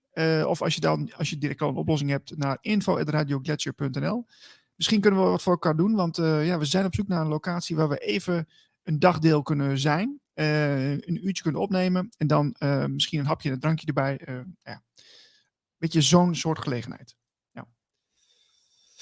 Dus dat is even de mededeling van mijn kant. Van onze kant ook, hè? Radio Gletscher. Ja, leuk. Ik ben benieuwd. ja. tot zover de administratie, denk ik. Ja, ik denk het wel. Um, ja, oh, straks natuurlijk de, de Ome Daan met de CBDC. Ja, daar heb ik ehm, allemaal ook dingetjes voor verzameld. Dus dat kunnen we allemaal laten zien. Uh, ik wilde ook nog even aandacht vestigen op een nieuw programma op Netflix. Dat is deze. Ah, dat meen je niet. Dat meen je. Dit is wel heel grappig. Want nou, ja, ja, daar ben ik dus gisteren mee begonnen ook. Oké. Dit hebben we niet afgesproken. Nee. en het leuke is, maar als ik, als ik even mag beginnen nog. Uh, ja, dan ga ik toch even. Ja, ik ben heel dominant vandaag, sorry. Mijn, mijn vriendin, die, uh, die had nog nooit, ja, nog nooit gehoord van Graham Hancock. Oh. Ja, dat vond ik dus al bijzonder, maar oké. En uh, dus ik zei, nou, er is een leuke documentaire op uh, Netflix. Laten we die even kijken. Het gaat over ja, mogelijke oude beschavingen en zo. En ik had verder niet zoveel verteld, bewust niet verteld. En ja, die, is nou, die, is nou, die vindt het fantastisch. Oh. Maar dat, dat, zo staat helemaal niet in dit soort onderwerpen. Maar nu, uh, door zo'n docu die op dan Netflix komt, weet je, als die op Netflix komt, nou, dan zou, nou, nou, nou, nou. dus, uh, maar dit zijn ook wel bewustzijnsprongetjes voor veel mensen, hoor, dit. Ja, Ancient Apocalypse. Dat een acht, uh, achtdelige serie. Ik heb inderdaad ook de eerste vier heb ik nou gezien. Uh, journalist Graham Hancock travels the globe hunting for evidence of mysterious lost civilizations dating back to the last ice age. Dus dat gaat helemaal over uh, die, ja, eigenlijk die overspoeling, die overstroming van uh, 12.000 jaar geleden. Daar is, daar is tal van bewijs voor dat het is uh, gebeurd. In allerlei mythologische verhalen van over de hele wereld, over allerlei culturen spreken erover en, uh, enzovoort enzovoort. Uh, hij gaat langs al die, ehm, ja, die structuren, die piramideachtige structuren die er zijn. Hij is in, wat ik nou gezien heb, Indonesië was hij, Mexico, bij Florida in de buurt, uh, en hij ging naar Turkije ook. Hij heeft het ook een stukje over Atlantis zelfs. Malta ook nog? Ja, Malta, dat was ook interessant. En uh, het is wel heel flitsend. Het is heel flitsend gemaakt. Het is uh, met drone shots en met spannende muziek. En dan, en dan mag je weer een zinnetje zeggen en dan is er weer wat anders. Ja. Het is heel Hij is wel een beetje, in elkaar gezet. Als ik toch een puntje van kritiek mag maken. Ik heb nou ook twee afleveringen gezien. Maar hij is wel een beetje boos op de archeologie, hè? Mainstream archeologie. Ja, hij, is, hij, begint elke aflevering met... Uh, ja, die archeologen die, eh, die hebben een raar praatje, eh, dat het allemaal niks voorstelt. Maar we zijn hier op een berg en uh, er zit iets heel erg interessants in de berg. En met allemaal geheime kamers. En, maar die archeologen die weten allemaal van niks. En die hebben er geen onderzoek naar gedaan. Die, ja, ja, ja, hij is een beetje bozig daarop nog steeds. maar het is wel heel mooi, want ze hebben van die kaartjes, hè. Dus dat heb ik nog niet eerder gezien. Ze hebben uh, van Indonesië ook, van voordat er over, de overstroming er was. En bij ja, Florida dat klopt, ook. Ja. ja, En Malta ook. En Malta zat vast aan het vasteland. En dat was bij Indonesië was het ook zo. Dus er ligt heel veel, ligt gewoon onder water. Wat, wat, wat we gewoon ook, uh, ja, waar we eigenlijk moeilijk bij kunnen. Maar je ziet het heel mooi in een plaatje en er zijn, zijn illustraties en animaties zijn er ook in verwerkt. Het is heel mooi gemaakt. Het is heel mooi gemaakt. Maar het is uh, heel, heel, heel interessant. Ja. Hoe oud is, hoe oud is uh, Graham uh, inmiddels? Weet je dat? nee, ja, nee, die zal, die zal in de 60 denk ik. Ja, ja, ja. ja. Dat was wel grappig, want hij, hij, liet een klein stukje zien in het programma ook van toen in 1998, geloof ik, zat hij op de BBC in het programma. Dat is een heel kort fragmentje. En daarin leek hij wel 80. Dus hij leek veel ouder toen, maar... Uh... Ja, en, hij is natuurlijk bij Joe Rogan geweest, hè? Dat heeft ook wel veel uh, stof doen opwaaien. Ja, dat is eigenlijk, eigenlijk, zo is hij eigenlijk weer bekend geworden en uh, is bij het grote publiek en want hij wordt, hij, werd, hij werd altijd een beetje weggezet. Daarom is hij ook een beetje boos op die archeologen. Want die uh, hebben hem altijd weggezet als idioot en uh, pseudo-wetenschapper. En, uh, Ja, maar ja, als je hem gewoon hoort praten, hij klinkt gewoon heel, heel redelijk en heel logisch. Dus, Zelfverzekerd ook, hè? En natuurlijk zijn meesterwerk destijds, Fingerprints of the Gods. Ik heb hem zelf niet gelezen, maar ik, ik, ik hoor er heel veel mensen over. Dus misschien wel eens een keer aanschaffen, die handel. Ja, leuk.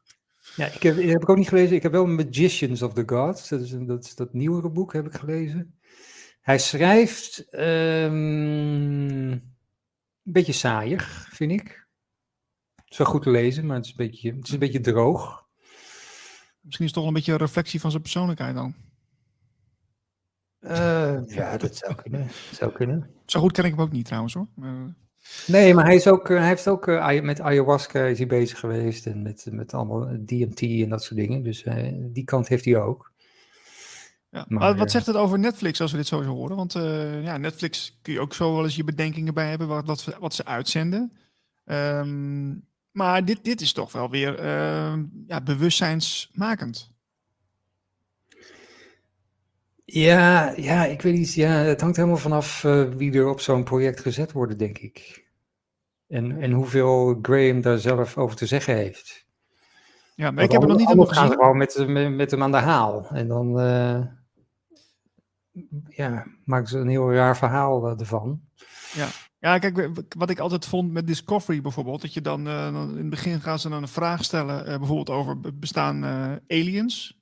En dan gaan ze daar een documentaire reeks over maken met, met vier, vijf deskundigen. Die laten ze aan het woord met wat plaatjes en filmpjes erbij. En aan het eind van de documentaire wist je nog steeds niks.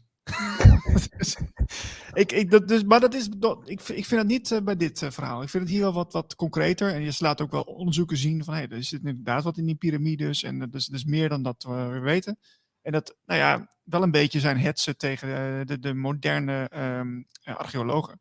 Maar goed, uh, wat dat betreft, het is, het is wel. Um, ja, ik denk wel dat, dat heel veel mensen het wel uh, hun ogen opent. Dus dat, dat, dat vind ik wel goed.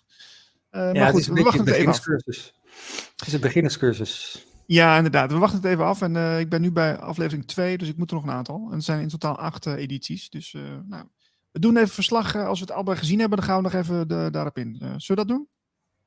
Oké, is goed. Het is maar een idee. Leuk. Graham Hancock, ja. Netflix. Um, even zien. Wil, wil, waar wil jij nog even heen? Ik zie uh, een berichtje binnen. Oh, e- even, uh, Evelien, kijk oh, Evelien. Evelien zit mee te kijken, stiekem. Helemaal goed. oh, Aliens en Wingmakers. Ja, Wingmakers, dat is ook iets, hè? Wat is het ook alweer? Ja, dat heeft uh, uh, Peter Tonen, die heeft er veel kennis over. En ook volgens mij Ella Ster. Moeten we binnenkort een keer uitnodigen, Ella Ster. Ze heeft een mooie website, ellaster.nl. hey, Evelien, is, Evelien ik, ik haal je er gewoon weer bij. Is dat goed? ik haal je er gewoon weer bij. We gaan niet hier de uh, Heel goed. Ja, eventjes. Ik moest zo mijn kinderen ophalen. Oké. maar ah, ik, ja, gaat... hem, ik had hem aan laten staan. Ik was gewoon benieuwd. En toen dacht ik, oh, aliens. Ja joh, dat is super tof. ja, ja, ja, ja. Maar heb je, heb je ervaring met, uh, met, met uh, UFO, UFO's of zo? Of aliens? Of... Nou ja, nee, nee, UFO's niet. Ik, uh, ik, heb, ik heb heel erg met die wingmakers, daar heb ik me heel erg in verdiept. En dat is echt uh, een heel tof verhaal. Maar het grappige was ook dat ik, heb maar een, ik had maar een heel klein stukje gehoord erover. En toen dacht ik, oh wat mooi dat hun boodschappen komen door middel van beeld en kunst. En dat het dus wij ieder op ons eigen moment, op ons eigen moment van dat ons bewustzijn er klaar voor is, dat gaan interpreteren en dat gaan zien en dat kunnen interpreteren. En toen dacht ik, oh, dat ga ik in mijn boek verwerken. En ik had het al in mijn boek, want het boek is bijna klaar weer. Dus dat had ik er al in staan. En toen kwam ik op al die sites die je net noemde en al die dingetjes. En dacht, oh, dit is zo tof. Want het is dus blijkbaar ook weer tot mij gekomen zonder dat ik het allemaal precies wist hoe het zat. En uh, ik, vind dat, ik vind dat een heel mooi verhaal. En als je ook terugkijkt van, ja, nou ja, gewoon, er zijn zoveel mooie verhalen over waar wij werkelijk vandaan komen. En, en, en hoe de gaten in de geschiedenis zitten, die we niet zomaar kunnen opvullen met van ja, we stammen van de apen af of that's it. Weet je, dat verhaal. En dan is het heel mooi om, om met die wingmakers te kijken van ja, weet je, het tijdreizen, de portals, dat er eigenlijk geen ja, er is geen tijd. Wij, in, we hadden net natuurlijk over, we willen die pendule stilzetten en uit die tijd, uit het tijdsvacuum komen, uit die 3D-tijd. En dan zou je zien dat alles er al is. En dat, uh, ja, dat, dat wij al zo lang gedragen, geïnspireerd, maar ook misschien wel aangevallen of wat dan ook worden door ja, andere entiteiten, of, nou, of dat nou geesten zijn of aliens. Ik denk dat dat, uh, dat dat eigenlijk niet uitmaakt. Dat het ook weer is wat wij, ja, wat wij willen en kunnen zien. Dus uh, ja, ik vond het heel wingmakers ook alweer? Want die, er zijn, het is informatie komt daar vandaan, van die wingmakers? Ja, het, het zijn, het, nou ja, simpel gezegd zijn het, zeggen ze dat het tijdreizigers zijn, die dus naar de aarde zijn gekomen en bepaalde boodschappen hebben verstopt in onder andere grotten en bepaalde uh, ja, plaatsen, om ons te waarschuwen voor eventueel, zegt de een dan, hè, die zegt, die hebben het geïnterpreteerd als voor een alien-invasie. Een ander zegt natuurlijk voor de aliens die ons komen bevrijden. Dus daar is ook weer die, die spiegel die daartussen zit. En uh, nou ja, de, de vraag is, waarom is het geheim gehouden? En, en wat is de bedoeling? En wat zij hebben, zij beschikken dus, en dat geloof ik ook, dat ik leer mijn kinderen dat nu al, telepathie. Dus dat we met elkaar kunnen praten zonder uh, worden. Dat we gewoon gaan denken wat de ander denkt. Dat we leren afstemmen op elkaar. Omdat ik zij dat dus ook kunnen. Weet je, dat telepathie geloof ik ook dat net als 5G, hoef ook niet zo heel erg bang voor te zijn, is meer mogelijk omdat ons bewustzijn omhoog gaat. En dan krijg je 7G, 8G, nou nog maar. Omdat dat energieveld, omdat het kwantumveld wordt gewoon groter. En zo kan je dus ook steeds beter en makkelijker met elkaar telepathisch communiceren. En wat zij goed in waren, was teleporteren. En dat is natuurlijk een interessante, want dat willen we. We willen zogenaamd door de tijd kunnen reizen, we willen kunnen teleporteren. En zo zijn er natuurlijk altijd mensen die denken van, hé, hey, maar dat vind ik interessant, want dat kan ik gebruiken om de geschiedenis naar mijn hand te zetten. Zeker, ja, je kunt inderdaad, als je, als je door de tijd kan reizen, dan kun je inderdaad uh, infiltranten van de ene plek naar de andere kant sturen. Exact. Weet je en wat... wie zegt dat dat niet al gebeurd is? Exact, ja, exact. Ja, dat is zo boeiend. Ja, dus als je daar dan induikt, dan denk je, oh mijn god, ik weet nog zoveel niet. En, het is, en dat is zo leuk om te kijken. En er schijnen dan portals te zijn. Nou, dan kom je terug naar de Egyptische piramides, naar piramides die bij de Krim zijn gevonden, die diep onder de grond zitten. Hele bijzondere energieën hebben, energievelden, waardoor je, nou, hetzelfde als met een kerk was vroeger natuurlijk ook om letterlijk te verlichten. Ja. Het was niet de bedoeling om daar een god te vereren, maar het was zo gebouwd dat als je binnenkwam, je in een soort van, ja, uh, vortex kwam, in een, in een helingsvortex. Nou, dat zeggen ze natuurlijk ook met die piramides die overal gevonden worden, dat daar bepaalde energievelden zitten die het zo krachtig maken dat ze helen. Er schijnen portals te zijn, er zijn geheime bibliotheken in, in, in Roemenië en waar dan ook. En dus die wingmakers, die zitten daar allemaal een beetje tussendoor, die dan zeggen van, nou, die zitten overal een beetje verspreid over de wereld, die reizen af en aan en die, uh, ja, die proberen ons daarin te begeleiden. En de vraag is dan inderdaad, are those bad people? die, die, die het slecht met ons voor hebben, of hebben ze het goed met ons voor? En dat vind ik altijd als je kijkt naar alle science fiction films en alle dingen die we allemaal zien. Weet je, het is, het is in je face, want hoe komt iemand aan die informatie? Ja, maar eigenlijk leven dus, we leven al in een soort Star Trek uh, film. Hè? We zitten er al in. Dus het is eigenlijk best wel bizar om te beseffen dat je die films waar je naar kijkt, hè, met de, dat ze echt in schepen gaan en dat al die technologie die er al is, mm dat, dat het eigenlijk ook achter gesloten deuren uh, al lang aanwezig is en dat er al gebruik van gemaakt wordt. De, de, documenten liegen er niet om. Hè? Dus ehm, ja, ik, ik, ik vind het heel fascinerend en ik wil alleen maar meer weten en meer zien. Van, laat, laat maar gebeuren. Ja, exact. Want dat is, dat is eigenlijk, en dat is hetzelfde als ik, als ik een boek schrijf dan dat verhaal hangt letterlijk in de lucht. Ja. Dus zo moeten televisiemakers en alle andere mensen die idee hebben over wat ze creëren, dat, dat, het is er al. Alles is er al. Het is aan ons om het te vangen, om het idee te vangen, om het in, in te manifesteren, zeg maar. Maar het is er al.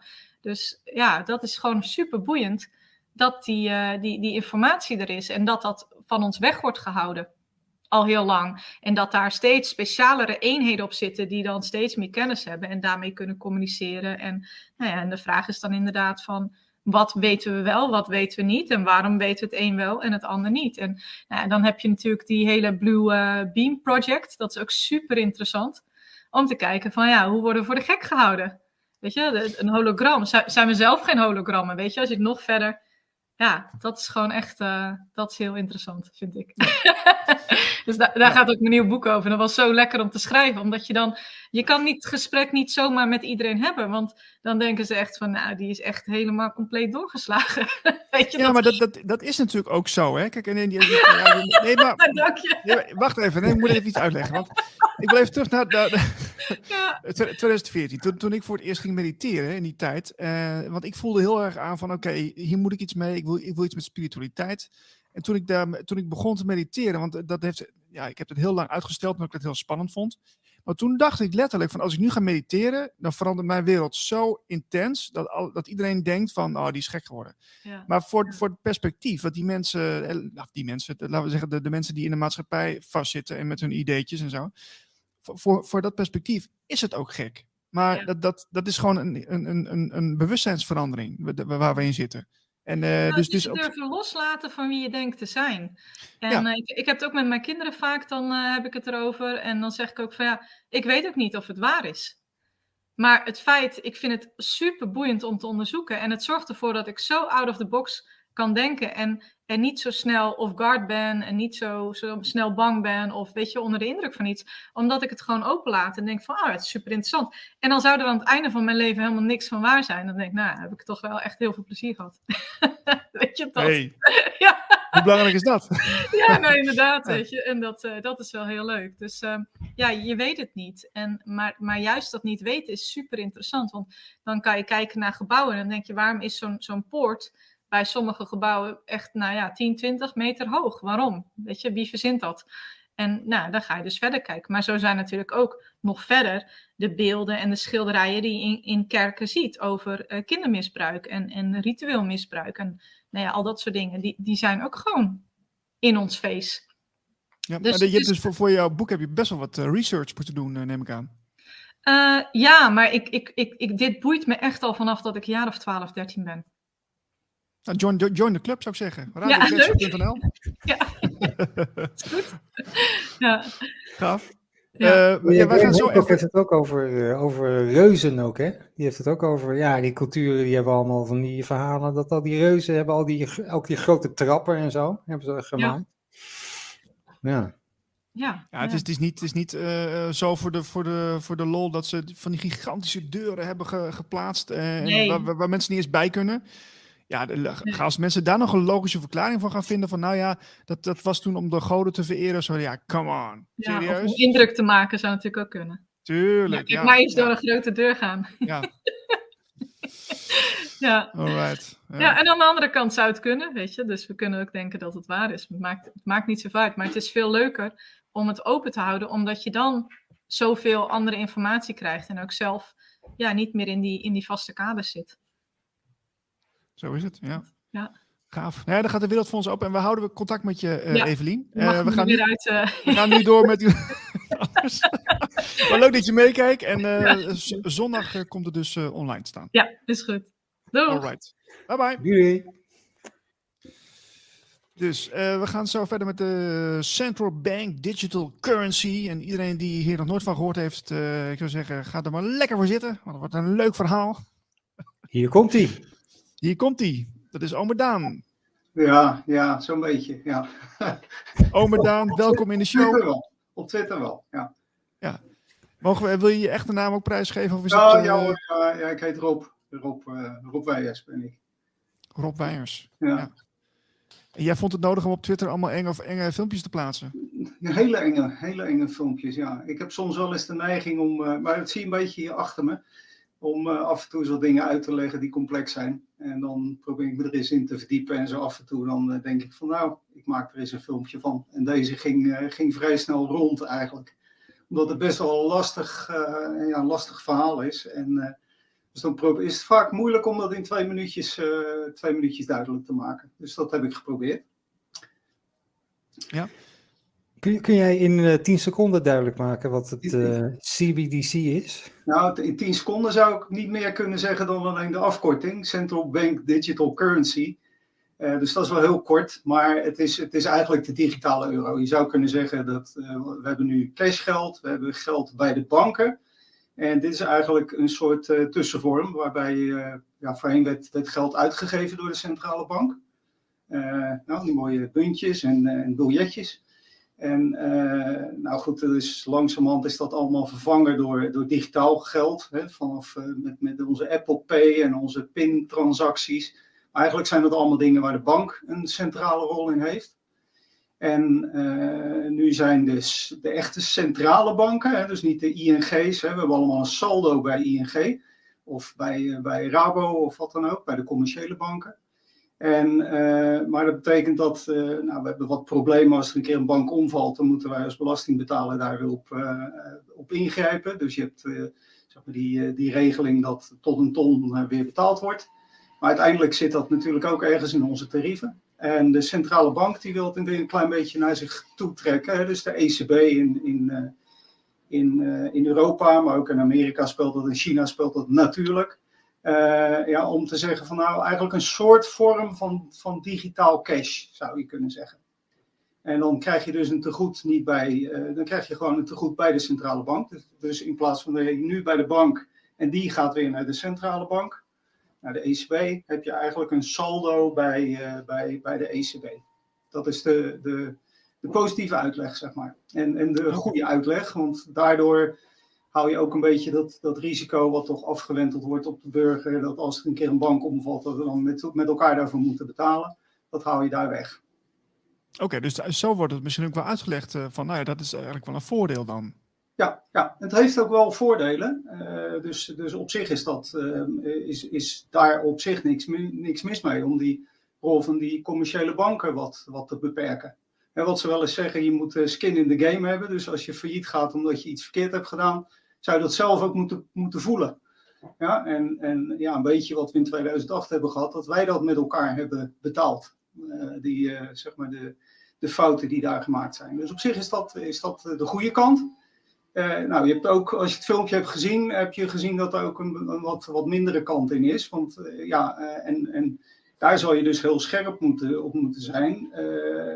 als ik jou een euro geef en jij geeft hem vervolgens weer door, dan is er niks met die, met die euro aan de hand. En dat is gewoon de euro is de euro.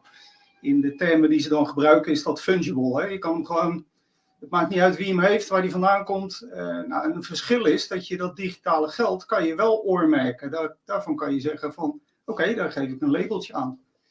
En ook daar zou je kunnen zeggen dat het een aantal voordelen heeft. We zeggen nu wel eens met, uh, met uh, stimuleringsprogramma's of zo, dat je zegt van, goh, ik, we, willen, we willen de economie stimuleren, we zitten in een recessie. ja, dan is de mogelijkheid die ze nu gebruiken, is van, nou, we gooien dat boven in de trechter. En daar komt heel veel geld beschikbaar. Hè? Net als er nu geld bij is gemaakt, zeg maar. En dan, ja, dan komt dat uiteindelijk wel bij de, bij de burgers. Alleen, laten we zeggen dat, dat er nogal wat uh, verzand in de, in, de tussenlagen. En je zou dan kunnen zeggen: van jongens, we hebben een crisis, allemaal probleem. Nou, we geven iedere Europese burger geven 300 euro. En geef maar uit. mooi. Nou, dan stimuleer je de economie. Dus ook dat is, is, is, is, is goed dus ook daar zitten een aantal mogelijkheden die, die, die, die best wel, best wel positief zijn. Maar dat zou nu toch ook al kunnen? Sorry, sorry. Dat zou nu toch ook al kunnen? Je kan nu toch ook al zeggen van we geven iedereen 300 euro? Nou, je ziet nu hoe dat bijvoorbeeld met die energietoeslag al, al moeilijk is. En, en ja, dat we dat soort dingen niet kunnen. De, en zeker als je dat op Europese vlak wil doen uh, is, dat, is dat een stuk moeilijker. En dan kan je gewoon vanuit, uh, vanuit uh, ja, heb je wat meer mogelijkheden als dat, ja, dat je dat vanzelf zou kunnen ophalen met je, met je DigiD of zo. Ja, zullen wij om te beginnen voor de mensen die dat niet gezien hebben, want niet iedereen zit op Twitter, dat we even jouw videootje laten zien, uh, Ome Daan. Ja. Dan kunnen mensen ook jou daarna even gaan volgen en reageren. Um, nou. Maar dan gaan we daarna even verder met, met de uitleg van de CBDC. Ja, Oké. Central Bank Digital Currency, oftewel de digitale euro. Wat is het en wat speelt er? Voorheen hadden, had de overheid grip op het uitgeven van geld door cash, maar tegenwoordig geven de banken geld uit en heb je een banksaldo en is dat allemaal digitaal. De overheid wil ook in die digitale wereld meer controle krijgen en is daarom bezig om een digitale euro uit te geven door de centrale bank. Wat betekent dat? De overheid kan weer in controle komen en het geeft ook de mogelijkheid om geld programmeerbaar te maken, om geld te oormerken. Uh, je zou kunnen zeggen, elke inwoner krijgt 100 euro. Of je kan het aan voedsel besteden. Of je kan in elk geval witwassen daarmee tegengaan. Uh, en je zou specifiek gedrag kunnen vermijden of stimuleren. Daar komt de politiek eigenlijk bij aan de orde. Maar heel veel mogelijkheden om het geld te controleren. Dus het wordt een politiek besluit. Blijft geld anoniem of niet?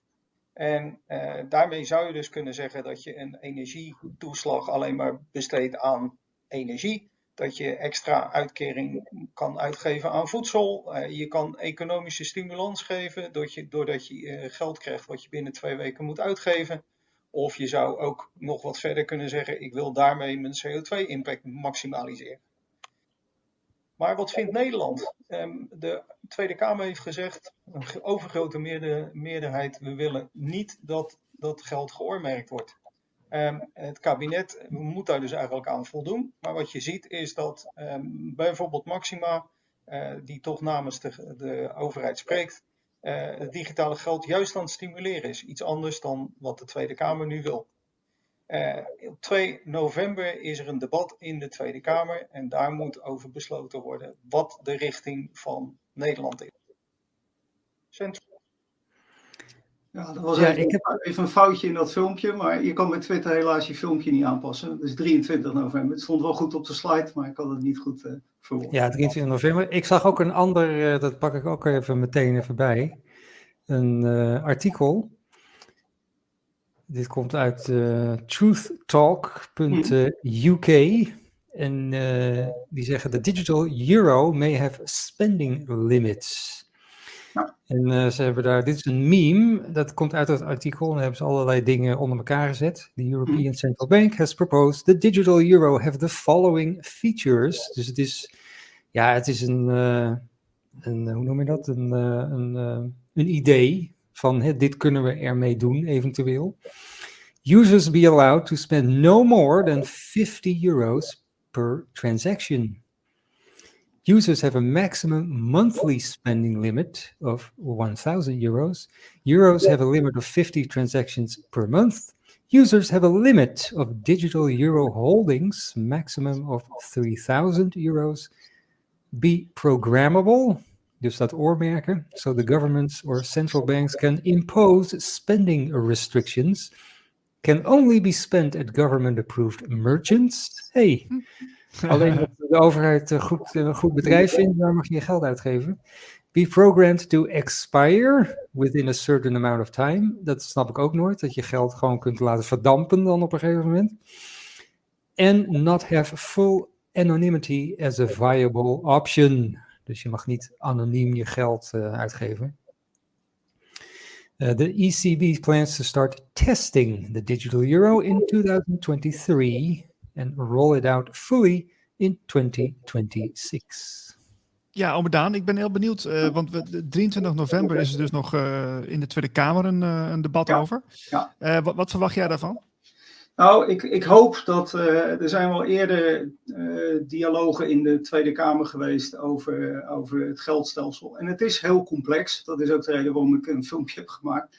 Omdat, omdat het uh, veelal een ver van mijn bedshow is voor de politiek. Hè. We gaan wel kijken wat, wat er in de vergadering tussen Rutte en, en zijn VVD is gebeurd. Maar ja, wat je ziet is dat, dat daar heel weinig attentie is van, van, van media. Um, er is één uh, vertegenwoordiger, Mahir, Mahir Alkaya, die echt daar veel in doet, daar ook, uh, ook, ook, goed in zit. Die is ook als algemeen vertegenwoordiger van, uh, van, van de Tweede Kamer gekozen om daar in Europa over mee te praten. Maar juist dit soort dingen, um, ja, waar, waar, je een beetje mee moet oppassen, is dat die zaken even heel simpel van nou laten we het maar gewoon beginnen en we zien wel op het moment dat je de eerste oormerk hebt gedaan, is die er. En dat, dat is uh, het, muizengaatje waar heel veel mee gebeurt. En ik vind dat je op een gegeven moment moet zeggen van nou, er is een grens. Uh, geld blijft anoniem, punt. Ja, bijvoorbeeld. En dat je daar nog heel serieus met elkaar over moet, uh, moet, moet praten. Ik vind het al een probleem dat je met dat soort essentiële discussies genoeg hebt dan 51% van de Eerste en Tweede Kamer. Ja, dit, is, dit zijn hele belangrijke dingen. En hier zie je al die punten die daar staan, zijn gewoon uh, dingen die als je, als je kan programmeren, dan kan je al die dingen zo bedenken. Hè? Dus het is gek dat je, uh, wat je zegt van, goh, kan ik het dan gewoon uitzetten? Ja, je kan het uitzetten. Ik, ik verklaar hem gewoon. Hè? Er is een, een database, een centrale database ook nog eens. Uh, die, waar, waar, uh, waar alle, uh, alle digitale euro's in staan. En het is een, een klikje in het, in het systeem, een oormerkje op, op het record En het is niet meer uit te geven. Dus het is heel makkelijk. En wat je nu ziet is dat ja, er is een soort brainstorm gaande in, in Brussel en in, en in in Frankfurt, hè, waar de ECB zit, om te kijken wat zouden we er allemaal kunnen. En, en dat is prima om daar een keer over te praten. Maar dan moet je als politiek even zeggen, jongens, ho, leuk over nagedacht. Dit is wat wij, uh, uh, wat, wat wij willen en wat we niet willen. Ja, en ja, wat, wat nu een beetje lastig is, is dat de Tweede Kamer dus zegt, nee, dat willen we niet. Is discussie over gehad. En nu zie je toch dat die, nou, er was volgens mij van de week ook van, ja, we willen toch dat elke, elke betaling boven de 100 euro ergens door de banken wordt, uh, wordt vastgehouden. Ja, het, het, glijdt. Het glijdt en het glijdt niet de goede kant op, zeg maar. Ja, dat was een voorstel van Kaag hè, ja, destijds. Ja. Maar is, is daar nu ook alweer uh, iets mee gedaan? Of is het, is het, uh... het, het kabbel, dit soort dingen kabbelen een beetje. En, en het, dat, dat, is wel een beetje een van de, van de lastige dingen. Het, het, het is weg omdat Glennis Grace ergens de Jumbo is ingestapt is of zo. Het, is niet zo, het is allemaal niet zo spannend. En het is ook moeilijk en dat snap ik ook wel. Maar ja, goed, uh, het is echt wel belangrijk dat we daar uh, maar, goed over nadenken. Als, als die uh, digitale euro er komt, stel dat ze zeggen van nou ja, we, al die oormerkjes en zo, dat, daar gaan we niet aan beginnen. We gaan er gewoon als normaal geld behandelen. Ja, het is wel digitaal geld. Ja. Dus ze kunnen er aan de achterkant, zonder dat je het zelf weet, kunnen ze er alsnog allemaal dingen ja, dat, daarom. Je kan het af, aflezen. Ja, hè, dat doen we voorlopig niet. Ja, en, en, en dat is een beetje de, de, de, de discussie natuurlijk. Hè. Dus op het moment dat dat. Uh, dat je, dat je uh, ja, het kan allemaal uh, gevolgd worden, zeg maar. Ja, en en kijk, we hebben ook nog even, even heel los daarvan. We hebben in Europa gelukkig ook nog iets wat de AVG heet, of de General Data Protection Regulation, of de, de in Nederland dan de, de, de, privacy, de AVG. Dat betekent dat je uh, uh, zaken niet mag relateren aan een persoon.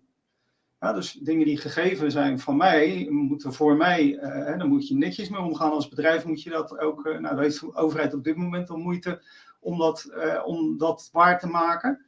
Weet ja, waar jullie wonen hoor. Hele, deur, deur zijn hele complexe, nee, maar het zijn vaak ook hele oude systemen waar dat nog niet in gebeurd is. En dat kost best wel veel tijd, maar um, uh, daar hebben we wel gezegd dat we die koppeling niet zouden, zouden leggen. Nou, dat zou je dus ook, op het moment dat je met die digitale euro gaat beginnen, zou je dus heel scherp moeten zijn dat dat, dat losgekoppeld is van, uh, van een persoon.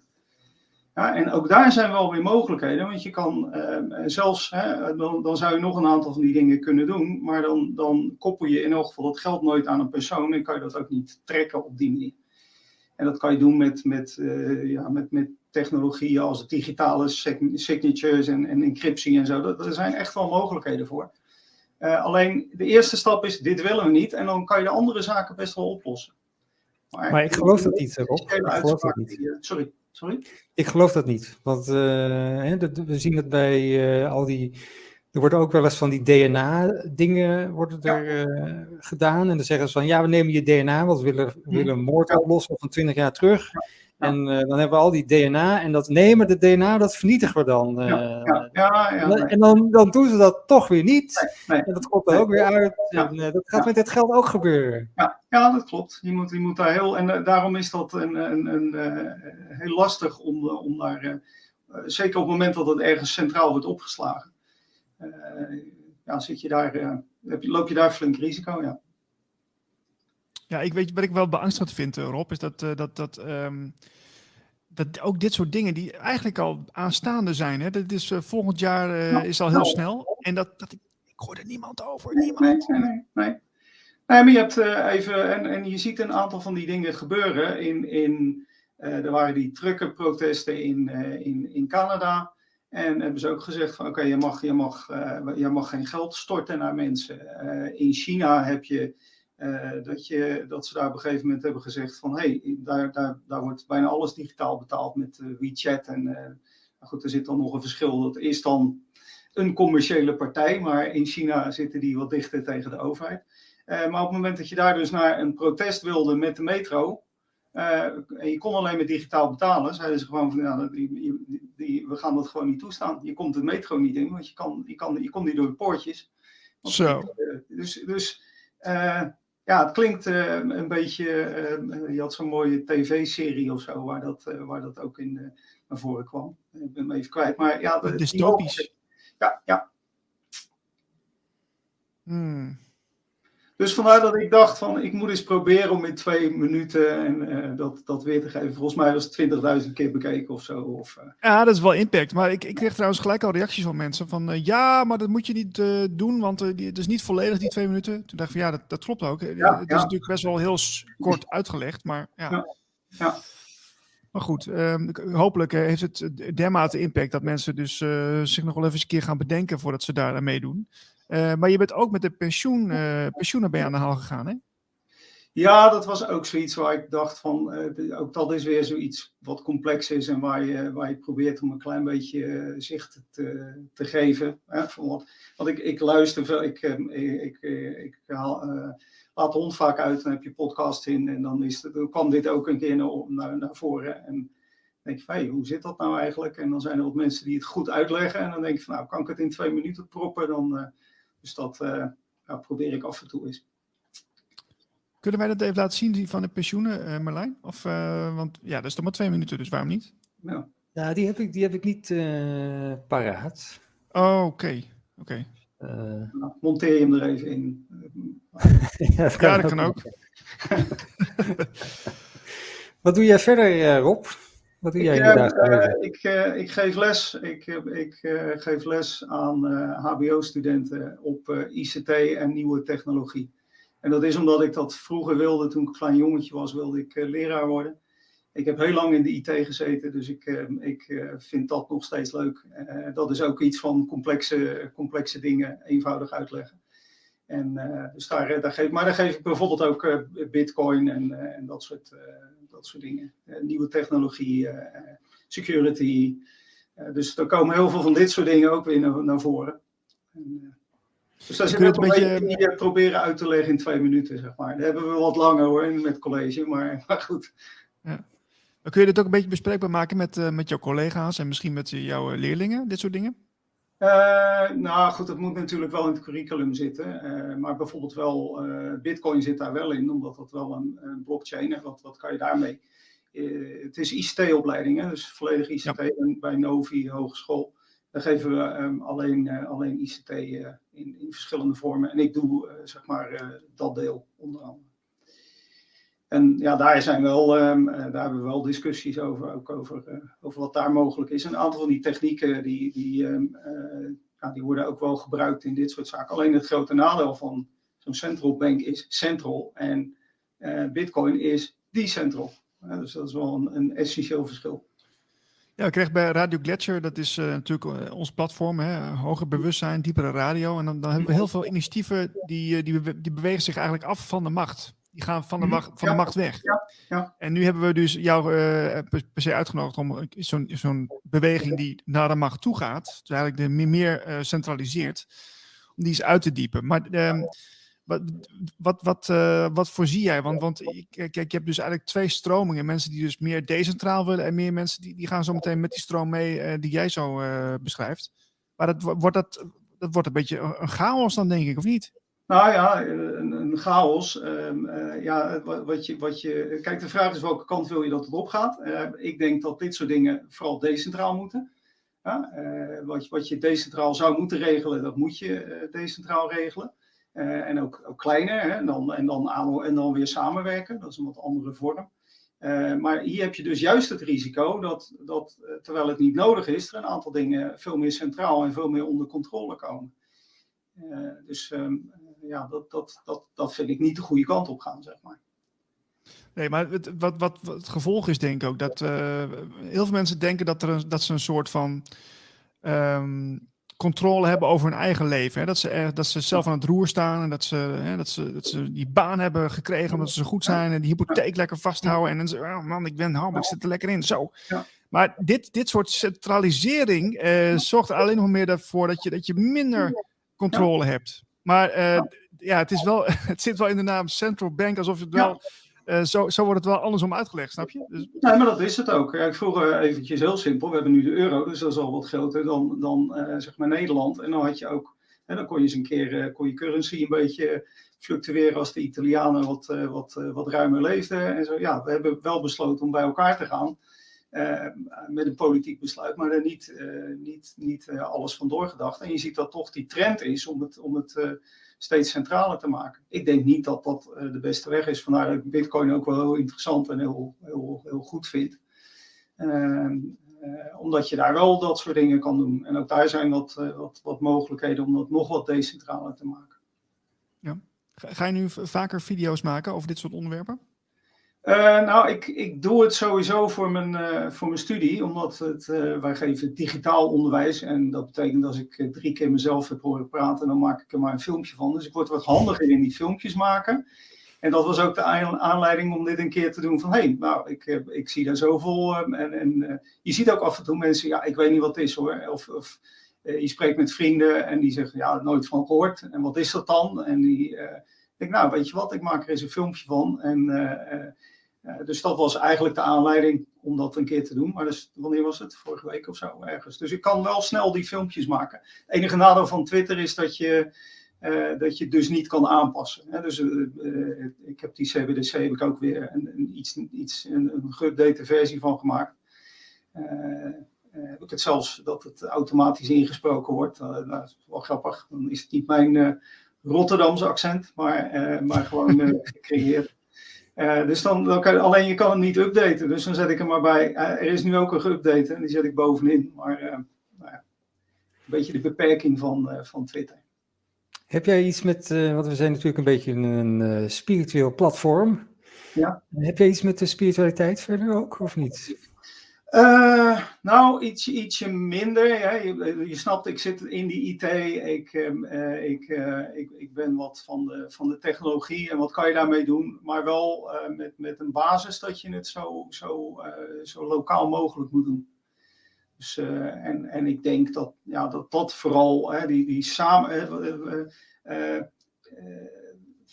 in, in dit geval ook financiën is een middel en geen doel. En wat je ziet in onze maatschappij is dat het voor alles een doel is, dat er heel veel afgeroomd wordt, dat er, uh, uh, ja, en, en, en dat we alles financieel uitdrukken. Maar als ik jou, uh, als wij hier met z'n drieën economie hebben en we zijn een, we zijn een, een bedrijf, of, of drie bedrijven, en ik, ik geef jou, ik verkoop aan aan een van jullie een uh, glas water voor 100 euro en jij verkoopt het weer door en hij verkoopt het weer aan mij, dan hebben we 300 euro um, uh, nationaal inkomen gemaakt. Zo werkt het. het. Ik bedoel, we hebben een aantal dingen te simpel gemaakt in geld en dat, dat, daar zou je wel wat anders voor moeten doen. Oké. Dus daar, daar zit daar, en dan kijk je van wat zou je daarmee mee kunnen doen. Dus niet echt spiritueel. Ik, ik, heb wel, ik ben wel ietsje minder dat alles bewezen moet worden dan, uh, dan, uh, dan, dan het was. mijn vrouw is, die, die heeft een keer rijkje gedaan en daar ding, heb ik wat dingen meegemaakt dat ik dacht, er zit wel wat meer achter. en, en, dat geloof ik ook wel. En, maar zelf ben ik toch wat meer van, ik moet het zien en, en geloven met een kleine... ja, ik heb, ik heb zo'n, die had ik hier ook al achter kunnen zetten. Question everything staat er dan en dan why zo'n zo'n uh, ergens in een, uh, in een uh, metro in, in, in Amerika of zo, lijkt dat.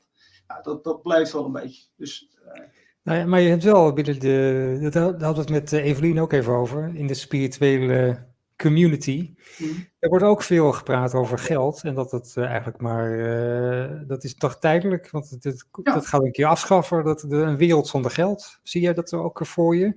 Nou, ik zie geen wereld. Nou, geld. Kijk, laten we zeggen, wat, wat zou handig zijn als ik nu, kijk even pensioenen. Wat is het enige wat ik wil? Als ik jong ben, dan wil ik een brood kunnen. Ik, ik wil twee broden kopen, fysiek, zeg maar. Om er één voor mijn oude dag weg te kunnen leggen. En je zou heel veel rust krijgen op het moment dat je weet dat, dat als ik, uh, ja, ik ben, al, uh, ik ben al wat ouder, maar als ik wat ouder ben, dat ik dan dat brood weer voor, dat, datzelfde brood weer terug kan kopen. En wat we nu doen is, hè, kijk maar naar inflatie. Ik weet niet wat ik moet doen, dus je gaat allerlei gekkigheden creëren omdat je die rust niet hebt. Nou, dat is iets wat je even, uh, om, om dan bitcoin er maar bij te halen. Het idee is daar, dit is de, de fixed hoeveelheid. Uh, dat betekent dat je ergens kan zeggen, ik zet dat even weg voor later. En ik kan het gebruiken en later is het, uh, is het hetzelfde waard. Dat zou heel veel rust geven. Ja, mensen zijn, ja, we moeten eigenlijk geen, we moeten inflatie houden.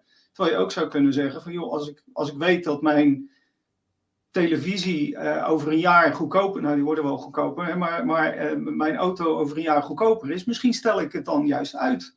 En zou je juist minder consum consumenten drive krijgen om dingen uit te geven.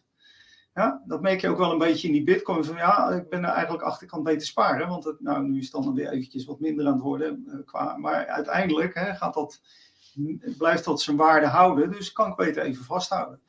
Dus, uh, maar, maar, Rob, als, het, als, het dan, uh, die, als die onrust dan zo aanwezig is bij mensen. Van oké, we weten niet waar het heen mhm. gaat en we, we, zoeken naar zekerheid. Mm is, zou een basisinkomen dan niet een idee zijn? Ja, maar dan ga je dat basisinkomen weer, weer ergens bij een overheid neerleggen. Kijk, als je het vanuit een gemeenschap ziet, hè, dan, dan, en, en gewoon zoals het vroeger was, uh, opa wordt verzorgd door de rest van de wijk. Hè, laten we maar zeggen van, nou oké, we hebben het over 300 man of zo. En ja. daar ken je iedereen, daar, daar, en dan weet je ook hoe, hoe, hoe je met elkaar omgaat. Ik, hoorde, ik hoorde ook weer een podcast van iemand die op, op Tongo of zo, hè, die, dat was ook dan vanuit, vanuit Bitcoin wat ze daar aan doen maar. En wat, wat daar bijvoorbeeld aansprak is, wij hebben, daar hebben ze geen daklozen. Waarom? Omdat een dakloze wordt altijd geholpen en die is altijd onderdeel van de familie. Je hebt daar dus ook geen, geen naam voor neef of nicht of zwager of nee, dat is allemaal familie, punt. Gewoon familie, ja, precies. Ja, ja. dus dat maakt niet uit. En ja, dan zie je van ja, zo zou je het eigenlijk moeten oplossen. En dan is een basisinkomen is alleen maar ja, om te zorgen dat je eet. Maar dat, eigenlijk zou je dat. Uh, kijk, geld is een ruilmiddel. Jij, jij bakt een appeltaart. Uh, jij verzorgt mijn, mijn moeder. Uh, ik doe dit. Dat, dat, dat is waarom je het hebt. En, en, en, en niet om winsten te maken of zo, wel om te bewaren als ik het later nodig heb. Ik heb nu wat over, ik, ben nu wat, ik zit in de kracht van mijn leven, dus ik spaar wat en daarna heb ik dat, geef ik het dan weer weg en aan het einde is het ook weg ja, misschien een hele andere dan jullie normaal in. Nee, we, we, niet, helemaal goed. Uh, we, we, staan voor alle visies open. Ik bedoel, ik ben ook niet voor, ik ben niet per se voor het basisinkomen, maar ik, het nee, is nee, gewoon een idee van. Uh, nee, maar het zou, wel, het zou ook wel weer rust geven, ja, waar, waar mensen andere dingen gaan doen. Dus dat, dat, dat vind ik wel. Uh, ja. Wat je wel veel hoort is natuurlijk uh, dat, dat uh, ook dat World Economic Forum zou dan ook in de toekomst bezig zijn of toewerken naar een basisinkomen. Maar dat zal dan weer onder voorwaarden zijn, weet je wel. Van dan, en dan ja, krijg je het basisinkomen ja. als je dit en dat doet. En dat, dat moet je natuurlijk nooit doen. Nee, daarom ben ik, en, en dat is ook weer zo'n zo'n uh, hoogoveractie.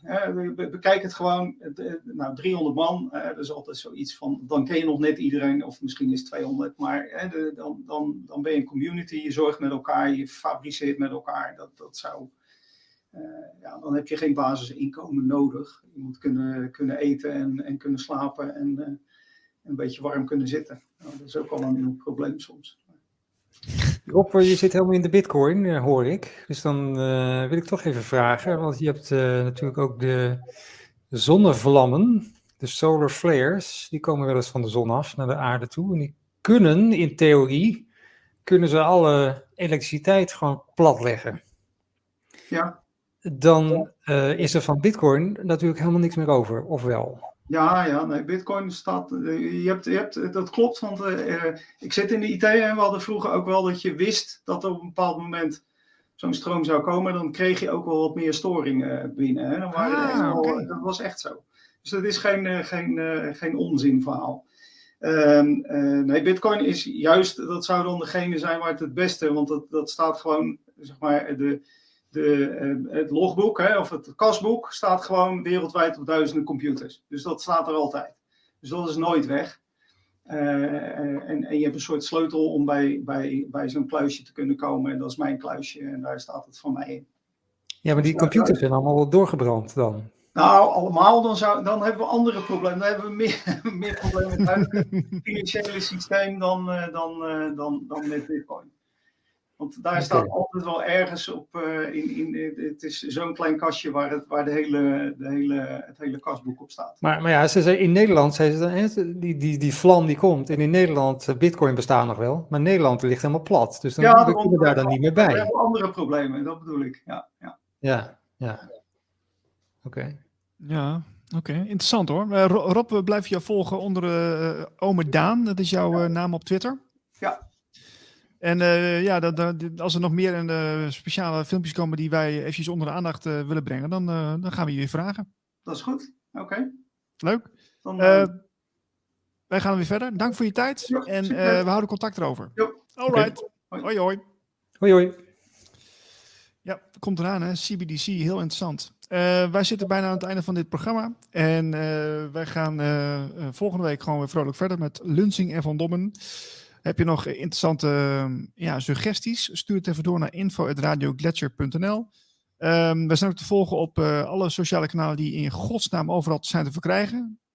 Ga er gewoon heen. We zitten op Twitter, Facebook, nee, LinkedIn dan we niet. Hè? Rumble zitten we op Spotify. En uh, iTunes, dus we, zijn eigenlijk overal te vinden. Dus al onze uitzendingen van, van Lunsing en Van maar ook van Patricia Mensink. En van uh, Logos, Dennis Nelissen. En, en Maartje Lute, Dood is niet weg. dus er zijn nog heel veel leuke uitzendingen te beluisteren. Volg het eventjes op onze kanalen. En we zijn er volgende week weer. Um, vergeet ik nog iets? Ja. Vertel. Je kunt ook doneren. Niels had als uh, goede voornemen dat we moeten we elke uitzending minimaal twee keer gaan zeggen dat je moet doneren. Dus je kan ook doneren. En dat zouden we heel leuk vinden. Zo is het. En als jij elke week deze uitzending wil zien live, dan, dan word je even donateur van mij of van Marlijn. En dan kan het via de website van Marlijn of via Radio Gletscher. En dan kom je bij ons uit en dan ben je wekelijks of nee, ma maandelijks donateur. En dan zie je de uitzending live. Kun je meedoen in de chat en reageren. En dat is een optie. Leuk. Um, wij zijn er volgende week weer. Dank voor het kijken. Tot later. Tot later. 3, 2, 1. Nederland hebben we een enorme pensioenpot van 1500 miljard Um, daar storten 7 miljoen werkenden elke maand geld in en 2,5 miljoen gepensioneerden nemen elke maand een beetje op. Waarom willen we het veranderen? Het is ouderwets, want niet iedereen werkt 40 jaar voor een baas. En wat je vaak ook hoort, ja, dat indexering gebeurde niet. Um, dus we gaan achterlopen met onze koopkracht.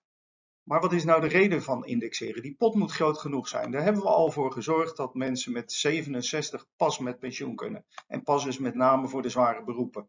Um, we zouden ook kunnen kijken naar het rendement wat pensioenfondsen halen. En die halen zeker meer dan 8%. Maar dat mag niet van de overheid. We hebben onszelf gezegd dat we met een rekenrente moeten werken. En die hebben op 0% gezet, net als op ons spaargeld. Dus die lage rente, rente eh, betekent dat we anders gaan rekenen en er dus te weinig in die pot zit.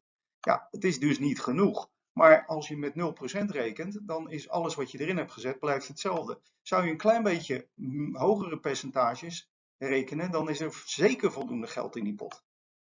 Maar wat gaan we veranderen? We gaan de pensioenfondsen aanvullen met banken en verzekeringsmaatschappijen die die pot van 1500 miljoen, miljard graag heel, heel graag willen gebruiken.